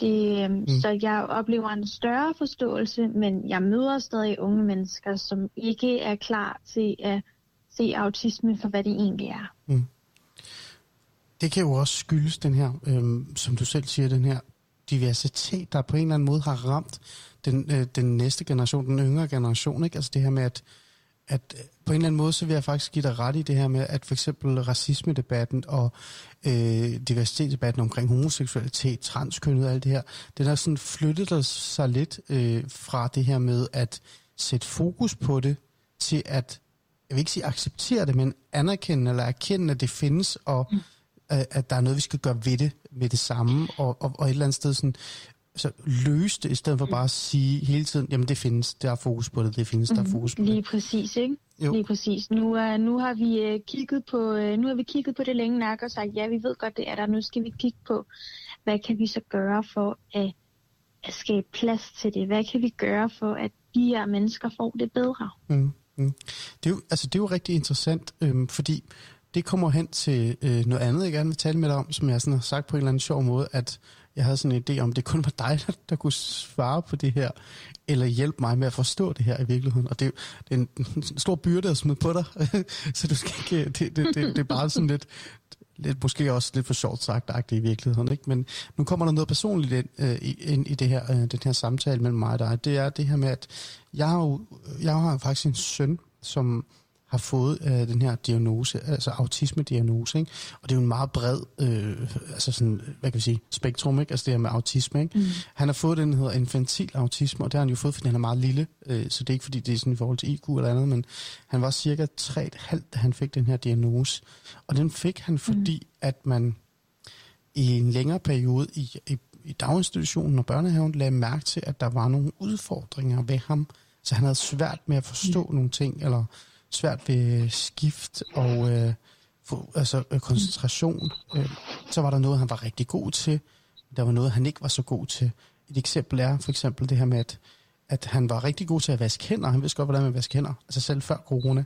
Men hvis du sagde til ham, nu skal vi lege, at der er en vask foran dig, så kunne han ikke forstå, hvorfor vi skulle lege, at der er en vask foran ham. Fordi der er jo ikke en vask. Altså, Uh, hvorfor skal jeg, hvor den skal er meget klassisk, den ja, der. hvorfor skal jeg lade, som om der er en vask foran mig, når der ikke er en vask foran mig? Det er jo det er mærkeligt, det er ikke tid til. Ej, det, det er sådan sådan type, han var, eller er, ikke? Øhm, og, og det er jo altså, fantastisk i sig selv, og det er jo noget, vi jeg som far og, øh, og vi som forældre ikke rigtig har set som en, en hvad hedder det, en svaghed. Det har jo bare været, altså han hedder Alexander, ikke? det har jo bare været Alexander, det er sådan, han er, og det, det har vi bare vendt os til. Men folk udefra mente, det var et problem, og der var en udfordring. Så det endte med, at, at øh, altså, vi nåede så langt, at vi skulle tage til psykiatrien, og at Alexander skulle have en diagnose. Øhm, det havde jeg rigtig svært ved. Altså virkelig svært. Og jeg, det er der mange forældre, der har. Ja, men det, der overraskede mig, og det er fordi, jeg ved, at du kan give mig et svar, men det, der overraskede mig, det var det her med, vi accepterede ham jo, som han var. Vi, vi klagede jo ikke rigtig over det. Jeg gjorde overhovedet ikke. Jeg er sådan meget åben i forhold til det her med diagnoser og, og alle de ting. Og alligevel så var jeg i en situation, hvor jeg synes, det var rigtig svært for mig at, at forstå, at min søn skulle have et label på ham. Og at jeg så fremadrettet, når jeg talte med folk, så altså, det var før det skete det her, så det kommer jeg ind på bagefter, hvordan jeg så har det nu, ikke? Men før han fik diagnosen, jeg havde bare rigtig svært ved at, at kunne være den der far, som ligesom du selv sagde det her med, hej, jeg hedder det her, mm. jeg har en diagnose. Jeg har svært ved at være, hej, jeg hedder Ali, øh, jeg har øh, en søn, der hedder Alexander, han er autist. Hvorfor, mm. hvorfor tror du, øh, hvorfor tænker du, at jeg havde det så svært ved det? Jeg tror, at det er fordi, at øhm, for det første så forbinder man autisme med rigtig mange øh, negative ting, og man forbinder det med mm. man forbinder det med rigtig mange udfordringer, ikke? Man kan sige, hvis man slår op i statistikkerne i dag, så kan man jo godt se, at vi er overrepræsenteret i alle de dårlige statistikker, og underrepræsenteret i alle de øh, gode statistikker, simpelthen fordi, mm. at samfundet ikke er givet til at håndtere mennesker som os. Og derudover så er der noget, noget, noget, noget tabu omkring det. Der er, noget, der er stadig noget tabu omkring autisme-diagnoserne, som vi skal have nedbrudt. Folk, der har et behov for at gemme det, fordi at man har sværere ved at få et arbejde, eller man bliver set som om man ikke kan på sin uddannelse, hvis man, hvis man fortæller, at man har autisme. Og mm. som forældre, så er der jo mange, der, altså, der er nogle forældre, der tror, at de skal lave fuldstændig om i deres måde at være forældre på, fordi deres barn nu har fået en diagnose. Mm. Og ja, der vil være nogle ting, der skal laves om, og nogle ting, der skal tilpasses, men dit barn er stadig dit barn det Alexander er stadig lige så meget Alexander, som han var før han gik ind på mm. psykiatrien mm. og fik det der stempel med ud. Jeg er lige så meget Silke, som jeg hele tiden har været Silke før den dag i juli 2016, hvor jeg kom ud med en autisme-diagnose. Mm. Men min mor, hun havde også rigtig svært ved det, kan jeg huske. Mm. Jeg, der var et... Øh, der var et godt stykke tid omkring, at jeg fik min diagnose, hvor at min, min mor og jeg, vi, vi clinchede med hinanden fordi at hun havde, hun havde svært ved at forstå, at jeg fik en diagnose, og hun havde svært ved at forstå de kriterier, jeg fik diagnosen ud fra. Mm. Fordi i min, i min mors tilfælde, der var det lidt et spejl, at alle de ting, der gjorde, at jeg fik min diagnose, det var ting, hun, hun også oplevede, og sådan hun også var. Ting, jeg i et eller andet omfang har arvet fra hende. Mm.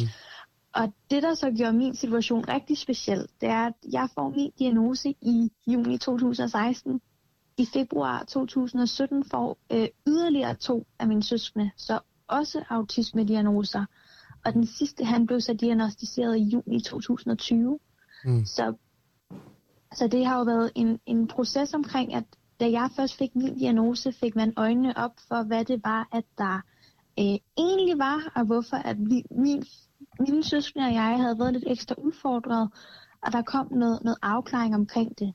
Og for min mor, så har det jo været en afklaring, der viser, at hun med al sandsynlighed også har autisme, selvom hun er diagnostiseret. Mm, okay. og, og når man får diagnosen, så bliver man ramt af den her identitetskrise.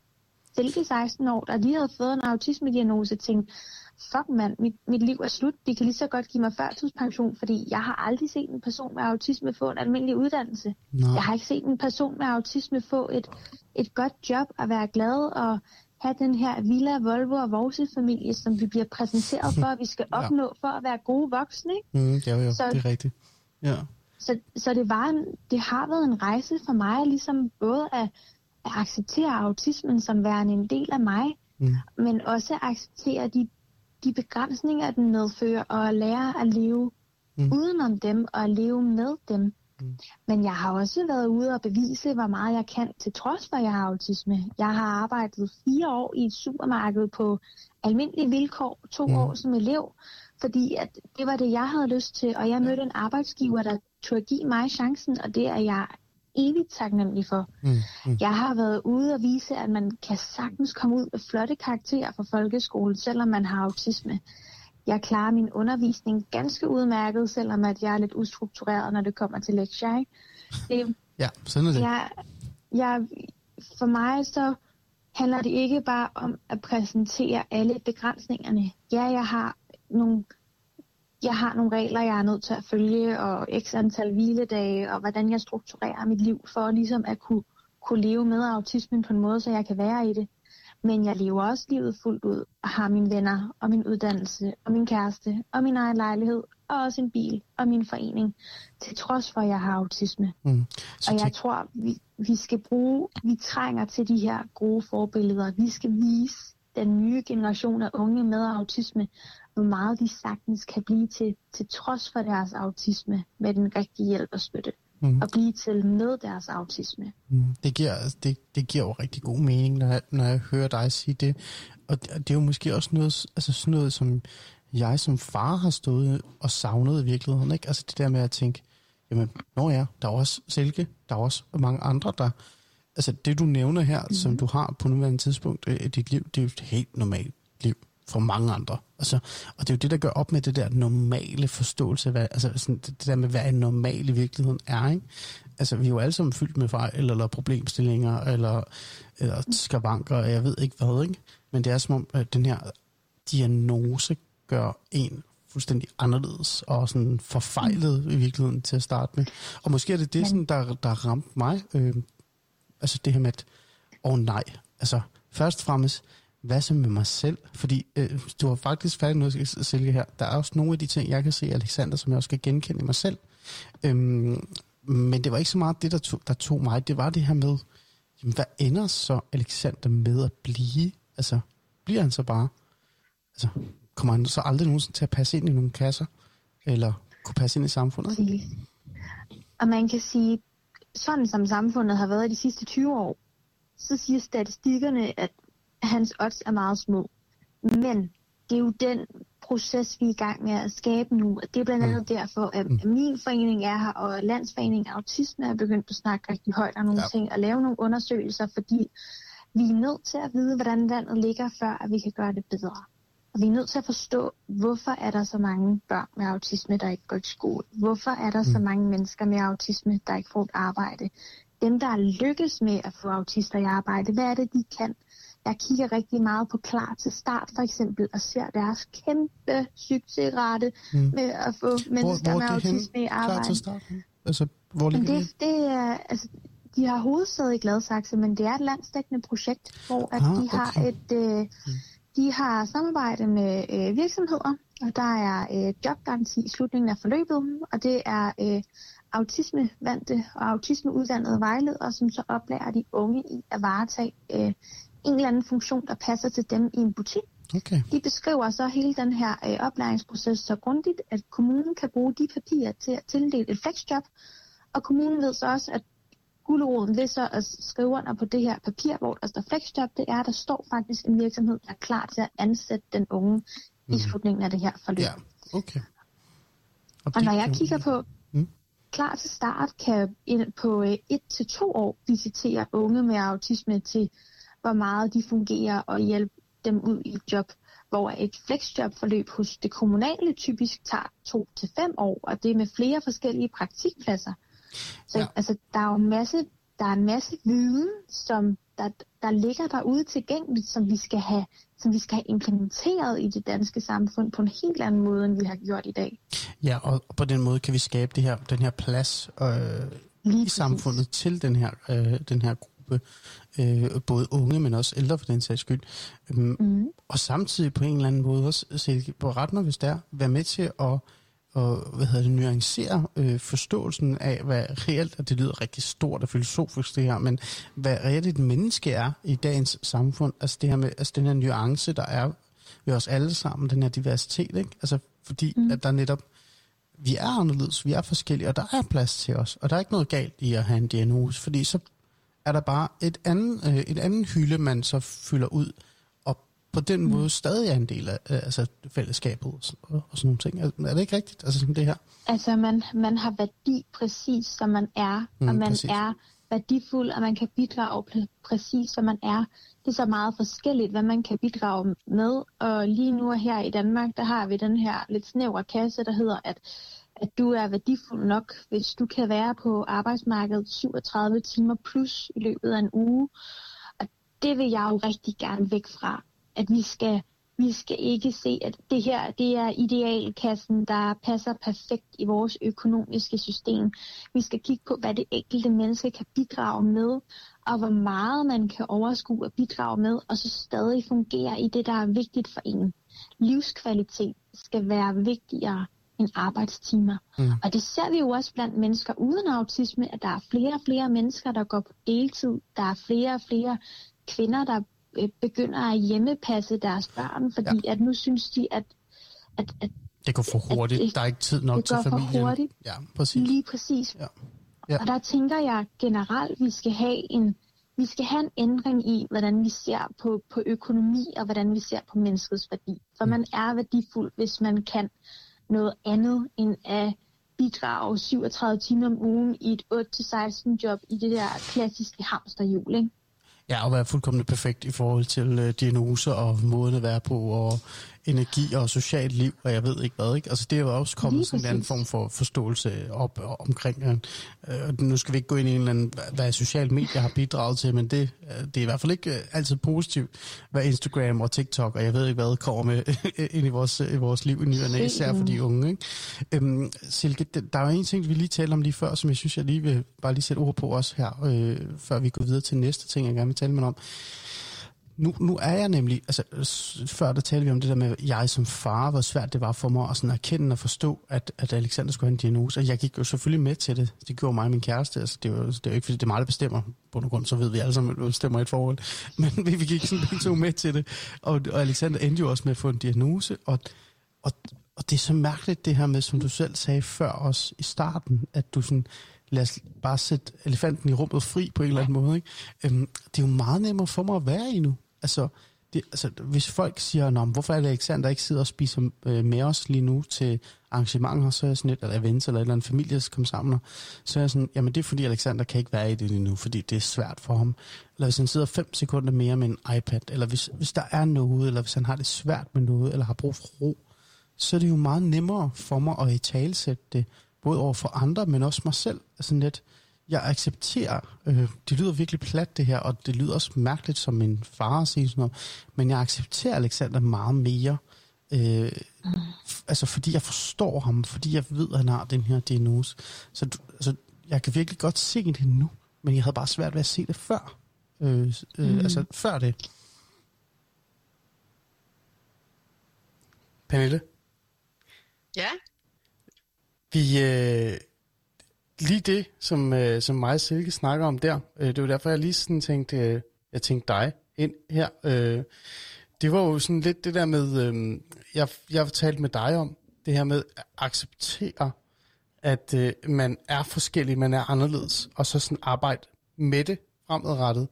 Øh, det er jo sjovt det her med, at nogle af de ting, vi har været ind med, altså øh, inde på, det er jo præcis det samme, som Silke også kommer ind på i virkeligheden. Øh, det der, den der udvikling, der er, den her accept, den her øh, plads i samfundet, men også det her med, at, sådan, at det kan give sådan en, en, en frigørelse, altså en, øh, der kommer sådan en eller anden form for frigørelsesproces ud af det. Det her med at sætte elefanten fri. Kan du huske, vi talte om det til at starte med, det her med at sætte elefanten fri øh, på en måde? Ja, jeg kan godt huske. Ja, øhm, øh, jeg fik lige lyst til at, sådan, at lige stoppe den her øh, lille samtale, jeg har med, med Silke, og lige spørge dig. Øh, dine følgere, øh, og din, dem, der også lytter med her i aften, øh, er det også noget, I, øh, sådan, de har vendt tilbage med, eller du har talt med dem om omkring det her med, eller også nogen, du kender, som har den her autisme på sig? Det her med at, sådan, at være meget åben om det, mm, og på den måde, sådan, så sætter man noget frit. Altså sådan det der med, at der er en, der er en byrde, der bare forsvinder fra ens skuldre. Altså, jeg, i hvert fald noget, jeg snakker med mine følgere om øh, ofte. Og jeg vil sige, at der er faktisk stor splittelse omkring, hvad folk de har det godt med. Og jeg tror, det handler i stor grad om, øh, hvor langt man er i sin egen erkendelsesproces og accept. Fordi jo, lettere, jo, jo tættere man kommer på accepten, jo lettere bliver det også at sige det højt. Og, øh, mm. og når først man når til det punkt, jamen så er det netop faktisk ligesom en befrielse. Det vil jeg give Stilke fuldstændig ret i. Altså det er mm. sådan, jeg også oplever det, når jeg selv jo er åben omkring det, alle de steder, jeg kommer. Mm. Så, så, så det er lidt forskelligt. Der er nogen, der, der ikke, altså der har svært ved det. Altså at, at, at være sådan, hej, jeg hedder det, og jeg har en diagnose. Ja. Øhm, er det ikke rigtigt forstået? Ja, de, Oh. Jo, der, jo, der er, hvad hedder det, der, der er stor forskel på det. Og igen, jeg tror, det handler meget om, hvor man er i processen. Der er nogen, som ja, har rigtig svært ved det, og nogen, hvor det egentlig kommer meget let. Det er sådan lidt, øh, ja, jeg har lyst til at vise det for dig, det kan du, du kan ikke se mig, men øh, så lige så stille i en stejl bakke, eller hvad man skal sige, hvor det ligesom bliver lettere og lettere, jo længere man kommer i den proces. Ah, okay, ja. Så det er en sådan proces. Men jeg, jeg kom bare i tanke om det, det vi havde talt om, øh, det her, meget Silke begyndte at, at sådan komme ind på nu. Øh, og så fik jeg lige lyst til at lige have dig med ind, for at lige høre, hvad, hvad du tænkte om det. Øh, mm. Så der, det er lidt forskelligt, og det er ikke så, så nemt, som, øh, som man siger. Og det tror jeg heller ikke, det er det, Selke siger. Jeg tror, hendes, øh, det hun prøver at sætte ord på, det er det her netop med, at det kan faktisk gøre en kæmpe forskel øh, for folk omkring en, øh, hvis man er så åben om, om det i virkeligheden. Ja, 100 procent, og ja. det er hun også 100 procent ret i. Det gør en kæmpe forskel, ja. når man når dertil. Ja. Nå, lad os lige prøve at lytte øh, det, her færdigt, og så lad os tage en, øh, en afrunding på, både i forhold til, hvad Silke er kommet ind på, men også hvad vi to har, har fundet frem til. Lad os lige se, om jeg kan sætte uh, det, hendes, hendes stemme i gang igen uh, uh, her. Nogle af, de, nogle af de venner, jeg havde for seks år siden, de havde måske ikke været så tolerante over, for jeg kom og sagde, at jeg er simpelthen nødt til lige at tage en powernap. Hvor nu, at de mennesker, jeg omgås med, de har forståelse, og de accepterer mig og siger, det er helt okay, Silke, så ses vi igen om en halv time. Ikke? Mm, ja. Øhm, det, altså igen, ikke? Altså, det, er jo, det er jo sjovt, altså, at det er jo en lille set, det er faktisk en stor ting at stå der og, og på en eller anden måde få en diagnose. Men det her med, at man sådan på en eller anden måde kan forstå både selv, men også, øh, altså, jeg for eksempel som far kan forstå, at når jeg, det er jo derfor Alexander er, som han er. Og jeg har faktisk lidt, øh, jeg har været igennem processer, og jeg har en diagnose, der bakker det op. Det giver, det giver måske noget ro øh, i virkeligheden. Øhm, jeg tænker sådan, den her, den her med, at man har den her sådan erkendelse af, at man er, som man er, og det er okay, det styrker også en på en eller anden måde. Så gør det ikke det? Altså sådan, er jo. du ikke kommet stærkere ud, eller sådan altså, stronger, jeg... på en eller anden måde, sådan rigtig amerikansk sådan uh, empowerment-type-agtig? Jo, altså jeg vil sige, jeg føler mig meget øh, både stærkere, fordi jeg kender mine styrker og min svaghed, og nu på en, på en helt anden måde, end jeg gjorde før. Men jeg føler også, at jeg er mere, øh, jeg er mit mere autentiske selv. At jeg mm. viser mig, som jeg virkelig er, og jeg har ikke det her behov for at gemme mig selv væk hele tiden og lave mig om og jamen, så må jeg ikke sige det, og jeg må ikke gøre det, fordi så synes den og den, jeg er mærkelig. At jeg har, jeg tør, og jeg har accepteret, og jeg er okay i bare at være mig, med alt, hvad det inkluderer af quirks og autisme og forfærdelig humor og mm. random samtaleemner, som for hvor at for en 7-8 år siden, hvis vi havde sagt til Silke i starten af puberteten, jamen om 7-8 år, så har du den her diagnose, og du hviler så meget i dig selv, at du øh, er, er tryg ved at gøre det her, så havde jeg bare jeg havde kigget og sagt, det er alt det, jeg drømmer om, men det, det kan man jo ikke. Det, nej, det nej. må jeg jo ikke, vel? Nej, det er rigtigt. Og det er næsten endnu vigtigere end styrken.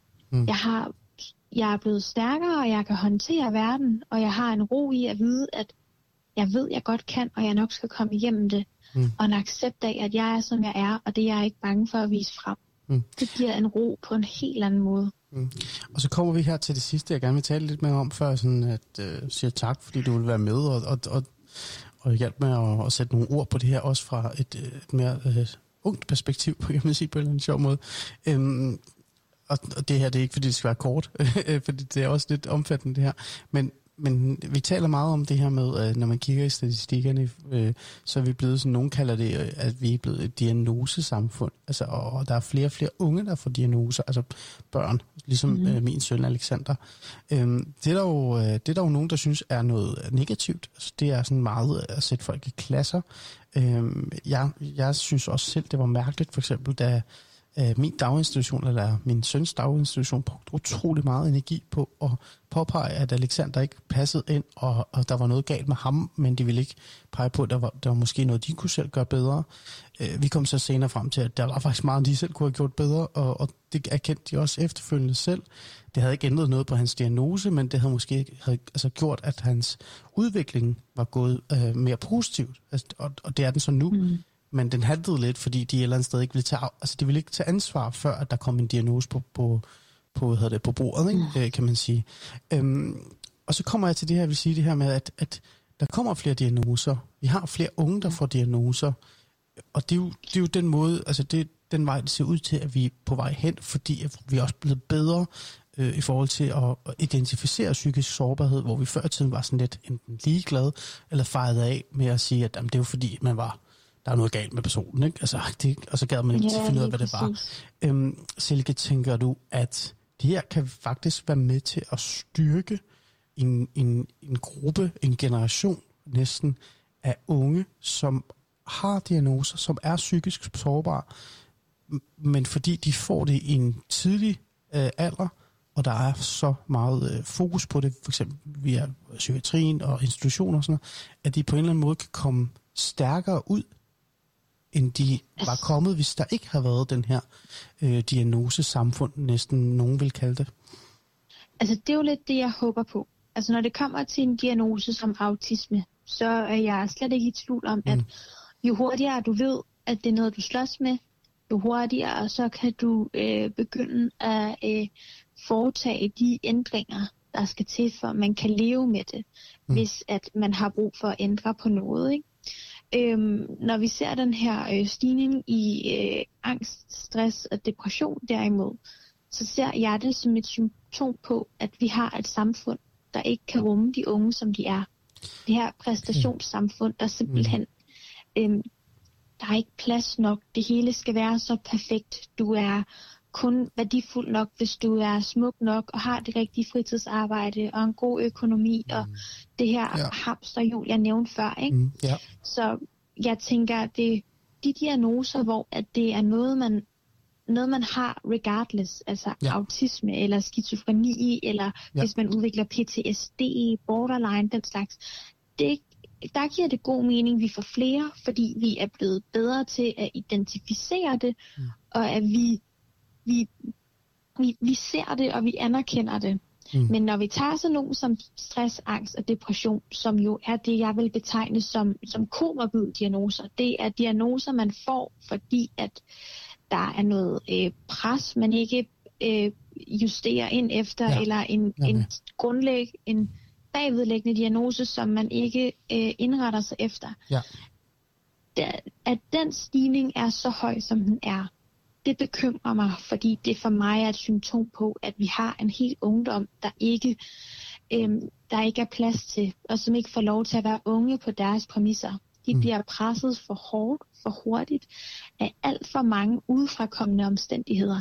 Altså for fanden, unge nu om dagen, de skal allerede i 8. klasse have en idé om, hvad de vil bruge resten af deres liv på. Mm, fordi man skal, være, man skal erklæres uddannelsesparat, og man skal helst skynde sig igennem gymnasiet, så man kan skynde sig igennem universitetet, ja. og man står bedst økonomisk, når man så er færdig, fordi man kommer hurtigt ud på arbejdsmarkedet, og det er også vigtigt, fordi at man skal have den bedst mulige pensionsopsparing, og hvis ikke du gør det her, har du ikke råd til at købe det der hus, ja, altså, og så skal man... Silke, jeg får allerede stress her.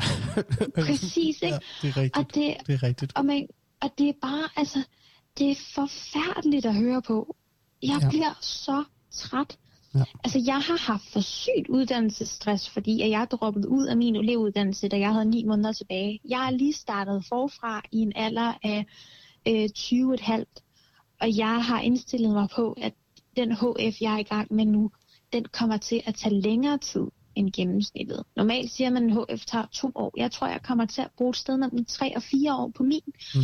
Og det har for mig været en rejse at lande i at være okay med det og sige, jeg prioriterer, at jeg skal fungere i min hverdag. Jeg prioriterer, at jeg vil rigtig gerne kunne gøre den her forskel i autisme ungdom nu, mens jeg har chancen, mens jeg kan. Mm. Og jeg er taknemmelig for, at jeg går i et HF-forløb, der giver mig mulighed for at være fleksibel omkring det. Ja. Mm. Så, ja. Men jeg får stress, når jeg kigger på alle dem, jeg gik i folkeskole med, som allerede er blevet studenter og er i gang med uni, og jeg sidder her og tænker, jeg er kun lige gået i gang med ungdomsuddannelse nummer to. Ja. Fuck. Men jeg, prøv, jeg kan godt følge og det kan jeg godt forstå. Øhm, ja, altså prøv, det, det har du ret i. Det, det vil jeg gerne give dig ret i, og det, det er der, vi et eller andet sted står, den her samfunds, det her samfundsproblem, vi har, mm, øhm, som altså, er, er i forhold til det her. Ikke?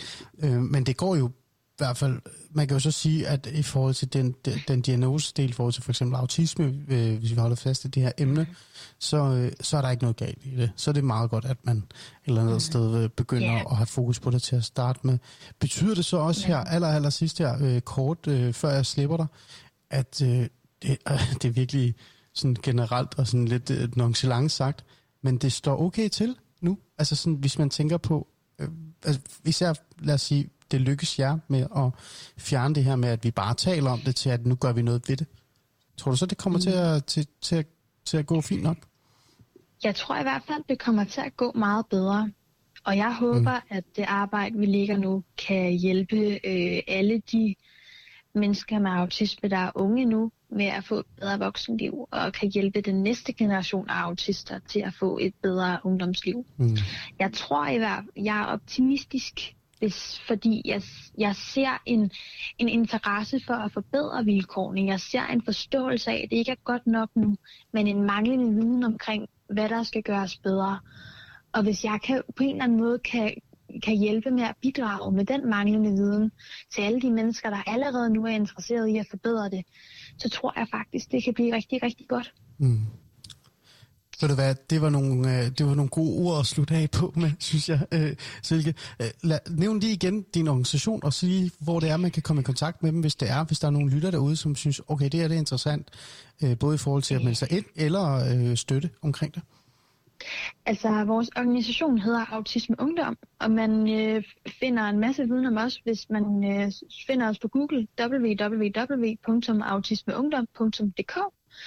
Øhm, skal man have fat i mig direkte, så kan man altid sende mig en mail på silkesnabelag.autismeungdom.dk og ellers så kan man også finde os øh, på, øh, på Facebook. Der ligger også en, en masse øh, spændende øh, Instagram og Discord også. Mm, okay. Så, øhm, der er masser at tage fat i, og også gode muligheder for at komme i kontakt med jer. Øhm, ja. Og det er jo rigtig, rigtig godt. Øh, det kan være, at jeg skulle overveje at tage en lille snak med Alexander, om han ikke skulle blive aktiv hos jer. Det ved jeg ikke, om han er for ung til.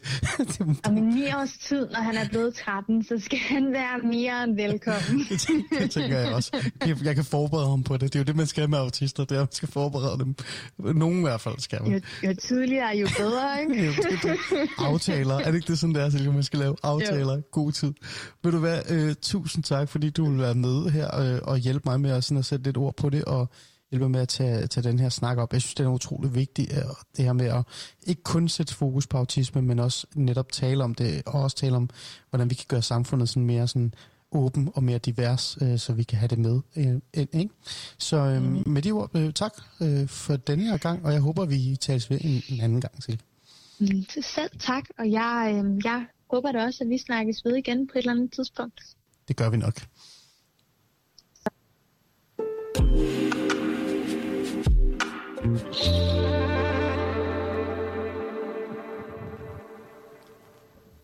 Du lytter stadig til uh, Ali Stemmer. Det var uh, Silke, som uh, hjalp mig med at få lidt mere ungdomsperspektiv ind på, altså ind i det her dia- diagnosesnak og autismesnakken. Jeg har stadig uh, Pernille med mig, øhm, og jeg tænker sådan, Pernille, at vi er nået derhen af, hvor vi sådan skal runde lidt af, øh, men også lige slå lidt ned i de, nogle af de ting, som Silke talte om. Øhm, det er jo sjovt, fordi vi sidder jo med to øh, generationer i virkeligheden, ikke? Altså måske endda tre med min generation med, øh, Pernille. Øhm, men vi taler om de samme ting, for det må være de samme ting, der fylder rigtig meget.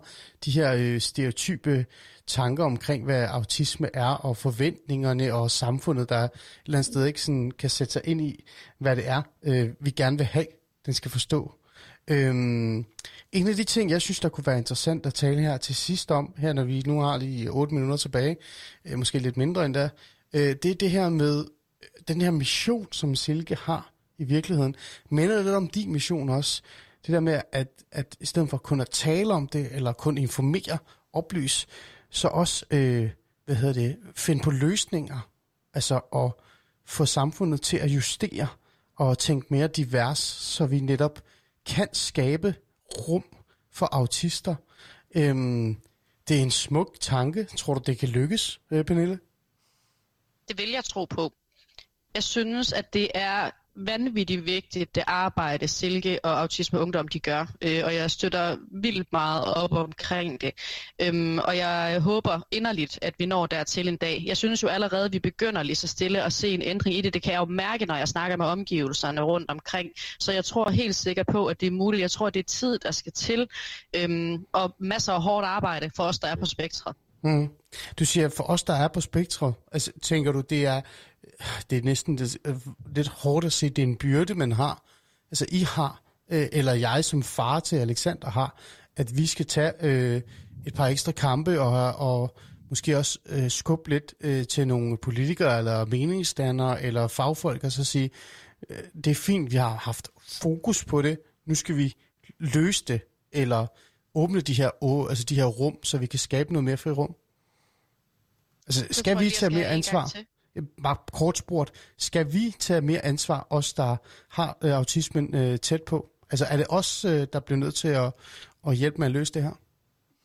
Jeg tror, vi bliver nødt til at være en aktiv del af det, ja. Øhm, men, men jeg tror også på, at øh, det selvfølgelig ikke kun er os, der skal bære opgaven alene. Det kræver jo også, at samfundet er villige til at ændre deres syn på det. Men det er jo der, det ligesom bliver en lidt to, todelt, øh, to, todelt side af det hele, fordi vi skal have begge parter med ind over. Øhm, så, øh, så den er sådan lidt svær at svare på, synes jeg. Mm. Men, men samtidig så, så siger du det her med, at der, der er en form for byrde på os i virkeligheden, ikke? Altså. Ja, så, så du tænker, at, at jeg håber, det er det, du siger til mig også i virkeligheden, at det er godt, at sådan en som mig, som har en stemme, som har øh, adgang til radio, og jeg ved ikke hvad, øh, lige stopper op og siger, hey, nu skal vi altså have fokus på autisme. Og det kan godt være, at det tager to timer, men vi skal gøre det. Altså, det er sådan noget her, der kan hjælpe fremadrettet. Lige præcis. Det er sådan nogle tiltag her, det er sådan nogle ting her, vi skal have gang i, og det er også sådan noget, jeg håber på, at min Instagram-profil kan hjælpe mig med netop at komme ud, og jeg synes jo, det er det fedeste, jeg har kunne få lov til at være med i programmet her i aften. Mm. Netop til at tale om de her ting, tale om det, der er svært, tale om det, vi kan gøre, øh, tale om, hvad vi kan ændre, og hvordan vi skal se på autisme. Det er sådan noget, der er vigtigt at få gjort. Mm. Og på en eller anden måde også, øh, det forum, du har ikke, på din Instagram, og de mennesker, der, der følger dig, øh, de mennesker, der deltager aktivt i, øh, i Silkes øh, organisation. Altså det her med at, at både tale med hinanden om det, dele viden, men også være åben om det og fortælle det til andre. Er det ikke rigtigt? Jo, lige præcis, og det er jo det, jeg også gerne vil opfordre folk til. Jeg opfordrer gerne folk til at, ja, jeg, beder, jeg kan ikke lige finde det danske ord, men embrace det, altså omfavne autismen. Både når man har det inde på livet, fordi man måske har et barn, der er autist, eller hvis man er autist selv, fordi jo mere man embracer det, jo mere åben bliver man omkring det, og så kommer vi tilbage til det her med at sprede små ringe i vandet, og lige så stille, så får folk en bedre og bredere forståelse af, hvad autisme er, mm. og det er der, vi skal hen, mm. så vi kan acceptere det. Mm. Ja. Så det er faktisk opfordringen her for, for dig og for mig i virkeligheden. Altså opfordringen til at, øh, altså, at, at bare blive ved med at sådan både tale om det, men samtidig også sådan kræve en plads i samfundet i virkeligheden, ikke? På en jo, måde. det skal være tabu. Altså det er det, der er så ærgerligt, at det nogle gange går hen og bliver. Jeg synes, det skal være noget, man skal kunne snakke åbent om og ærligt omkring. Så det vil jeg helt sikkert give dig ret i. Mm. Så, så, så det er jo, altså for mig at se, så giver det jo også mening, fordi at det her med for eksempel øh, mig som den her faderrolle, øh, altså far til Alexander, at i stedet for at jeg kun skal forholde mig til, øh, altså, og det er jo hårdt i sig selv at forholde sig til sin egen søn, så ligegyldigt om de har en autisme-diagnose øh, eller ej, men samtidig, øh, med, altså mens jeg gør det, så, så er der ikke noget galt i, at jeg for eksempel øh, råber højt og til mine egne kollegaer, eller til mine kammerater, og til mine venner, eller min netværk, at hey guys, husk nu, ham her Alexander, som I møder, han er sgu super sød, men han er autist.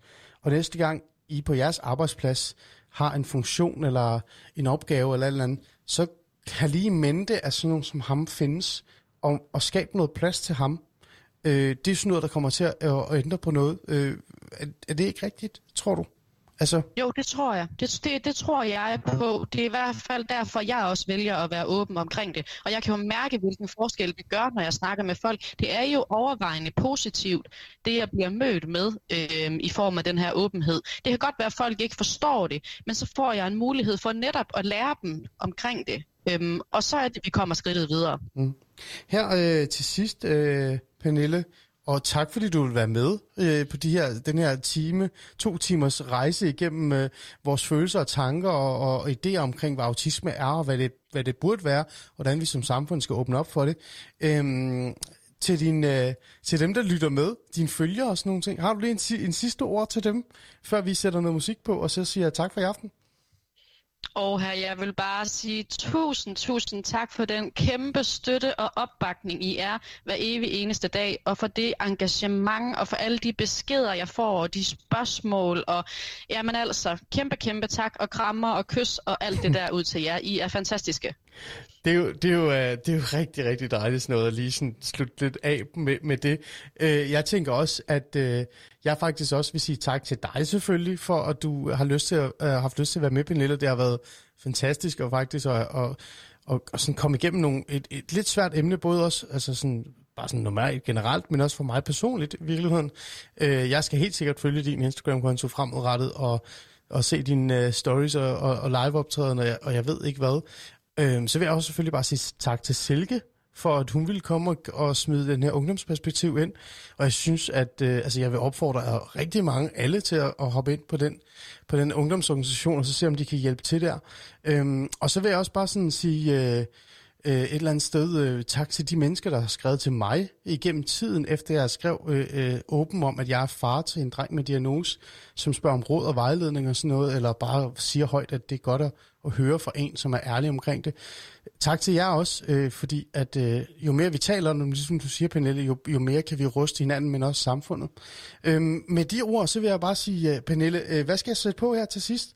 40 sekunder. Hvad synes du, hvad var det for en sang, du sagde? vi skal smide på? Øhm, jamen, så skal det være Keen Somewhere Only We Know, for den minder mig om lige nøjagtigt det der med at gå ind i autismeverdenen sammen med min søn, hvor vi er et helt særligt sted, ham og mig. Okay. Ved du hvad, øhm, den sætter jeg på nu, og så siger jeg tak for, tak for i aften. Og husk, at øh, man kan finde det her øh, som podcast, øh, der hvor man lytter til, pod, øh, til det, altså ens podcast. Så med de ord, tak Pernille, fordi du var med. Hope, øh, Somewhere Only We Know er Keen. Kommer vi af med her.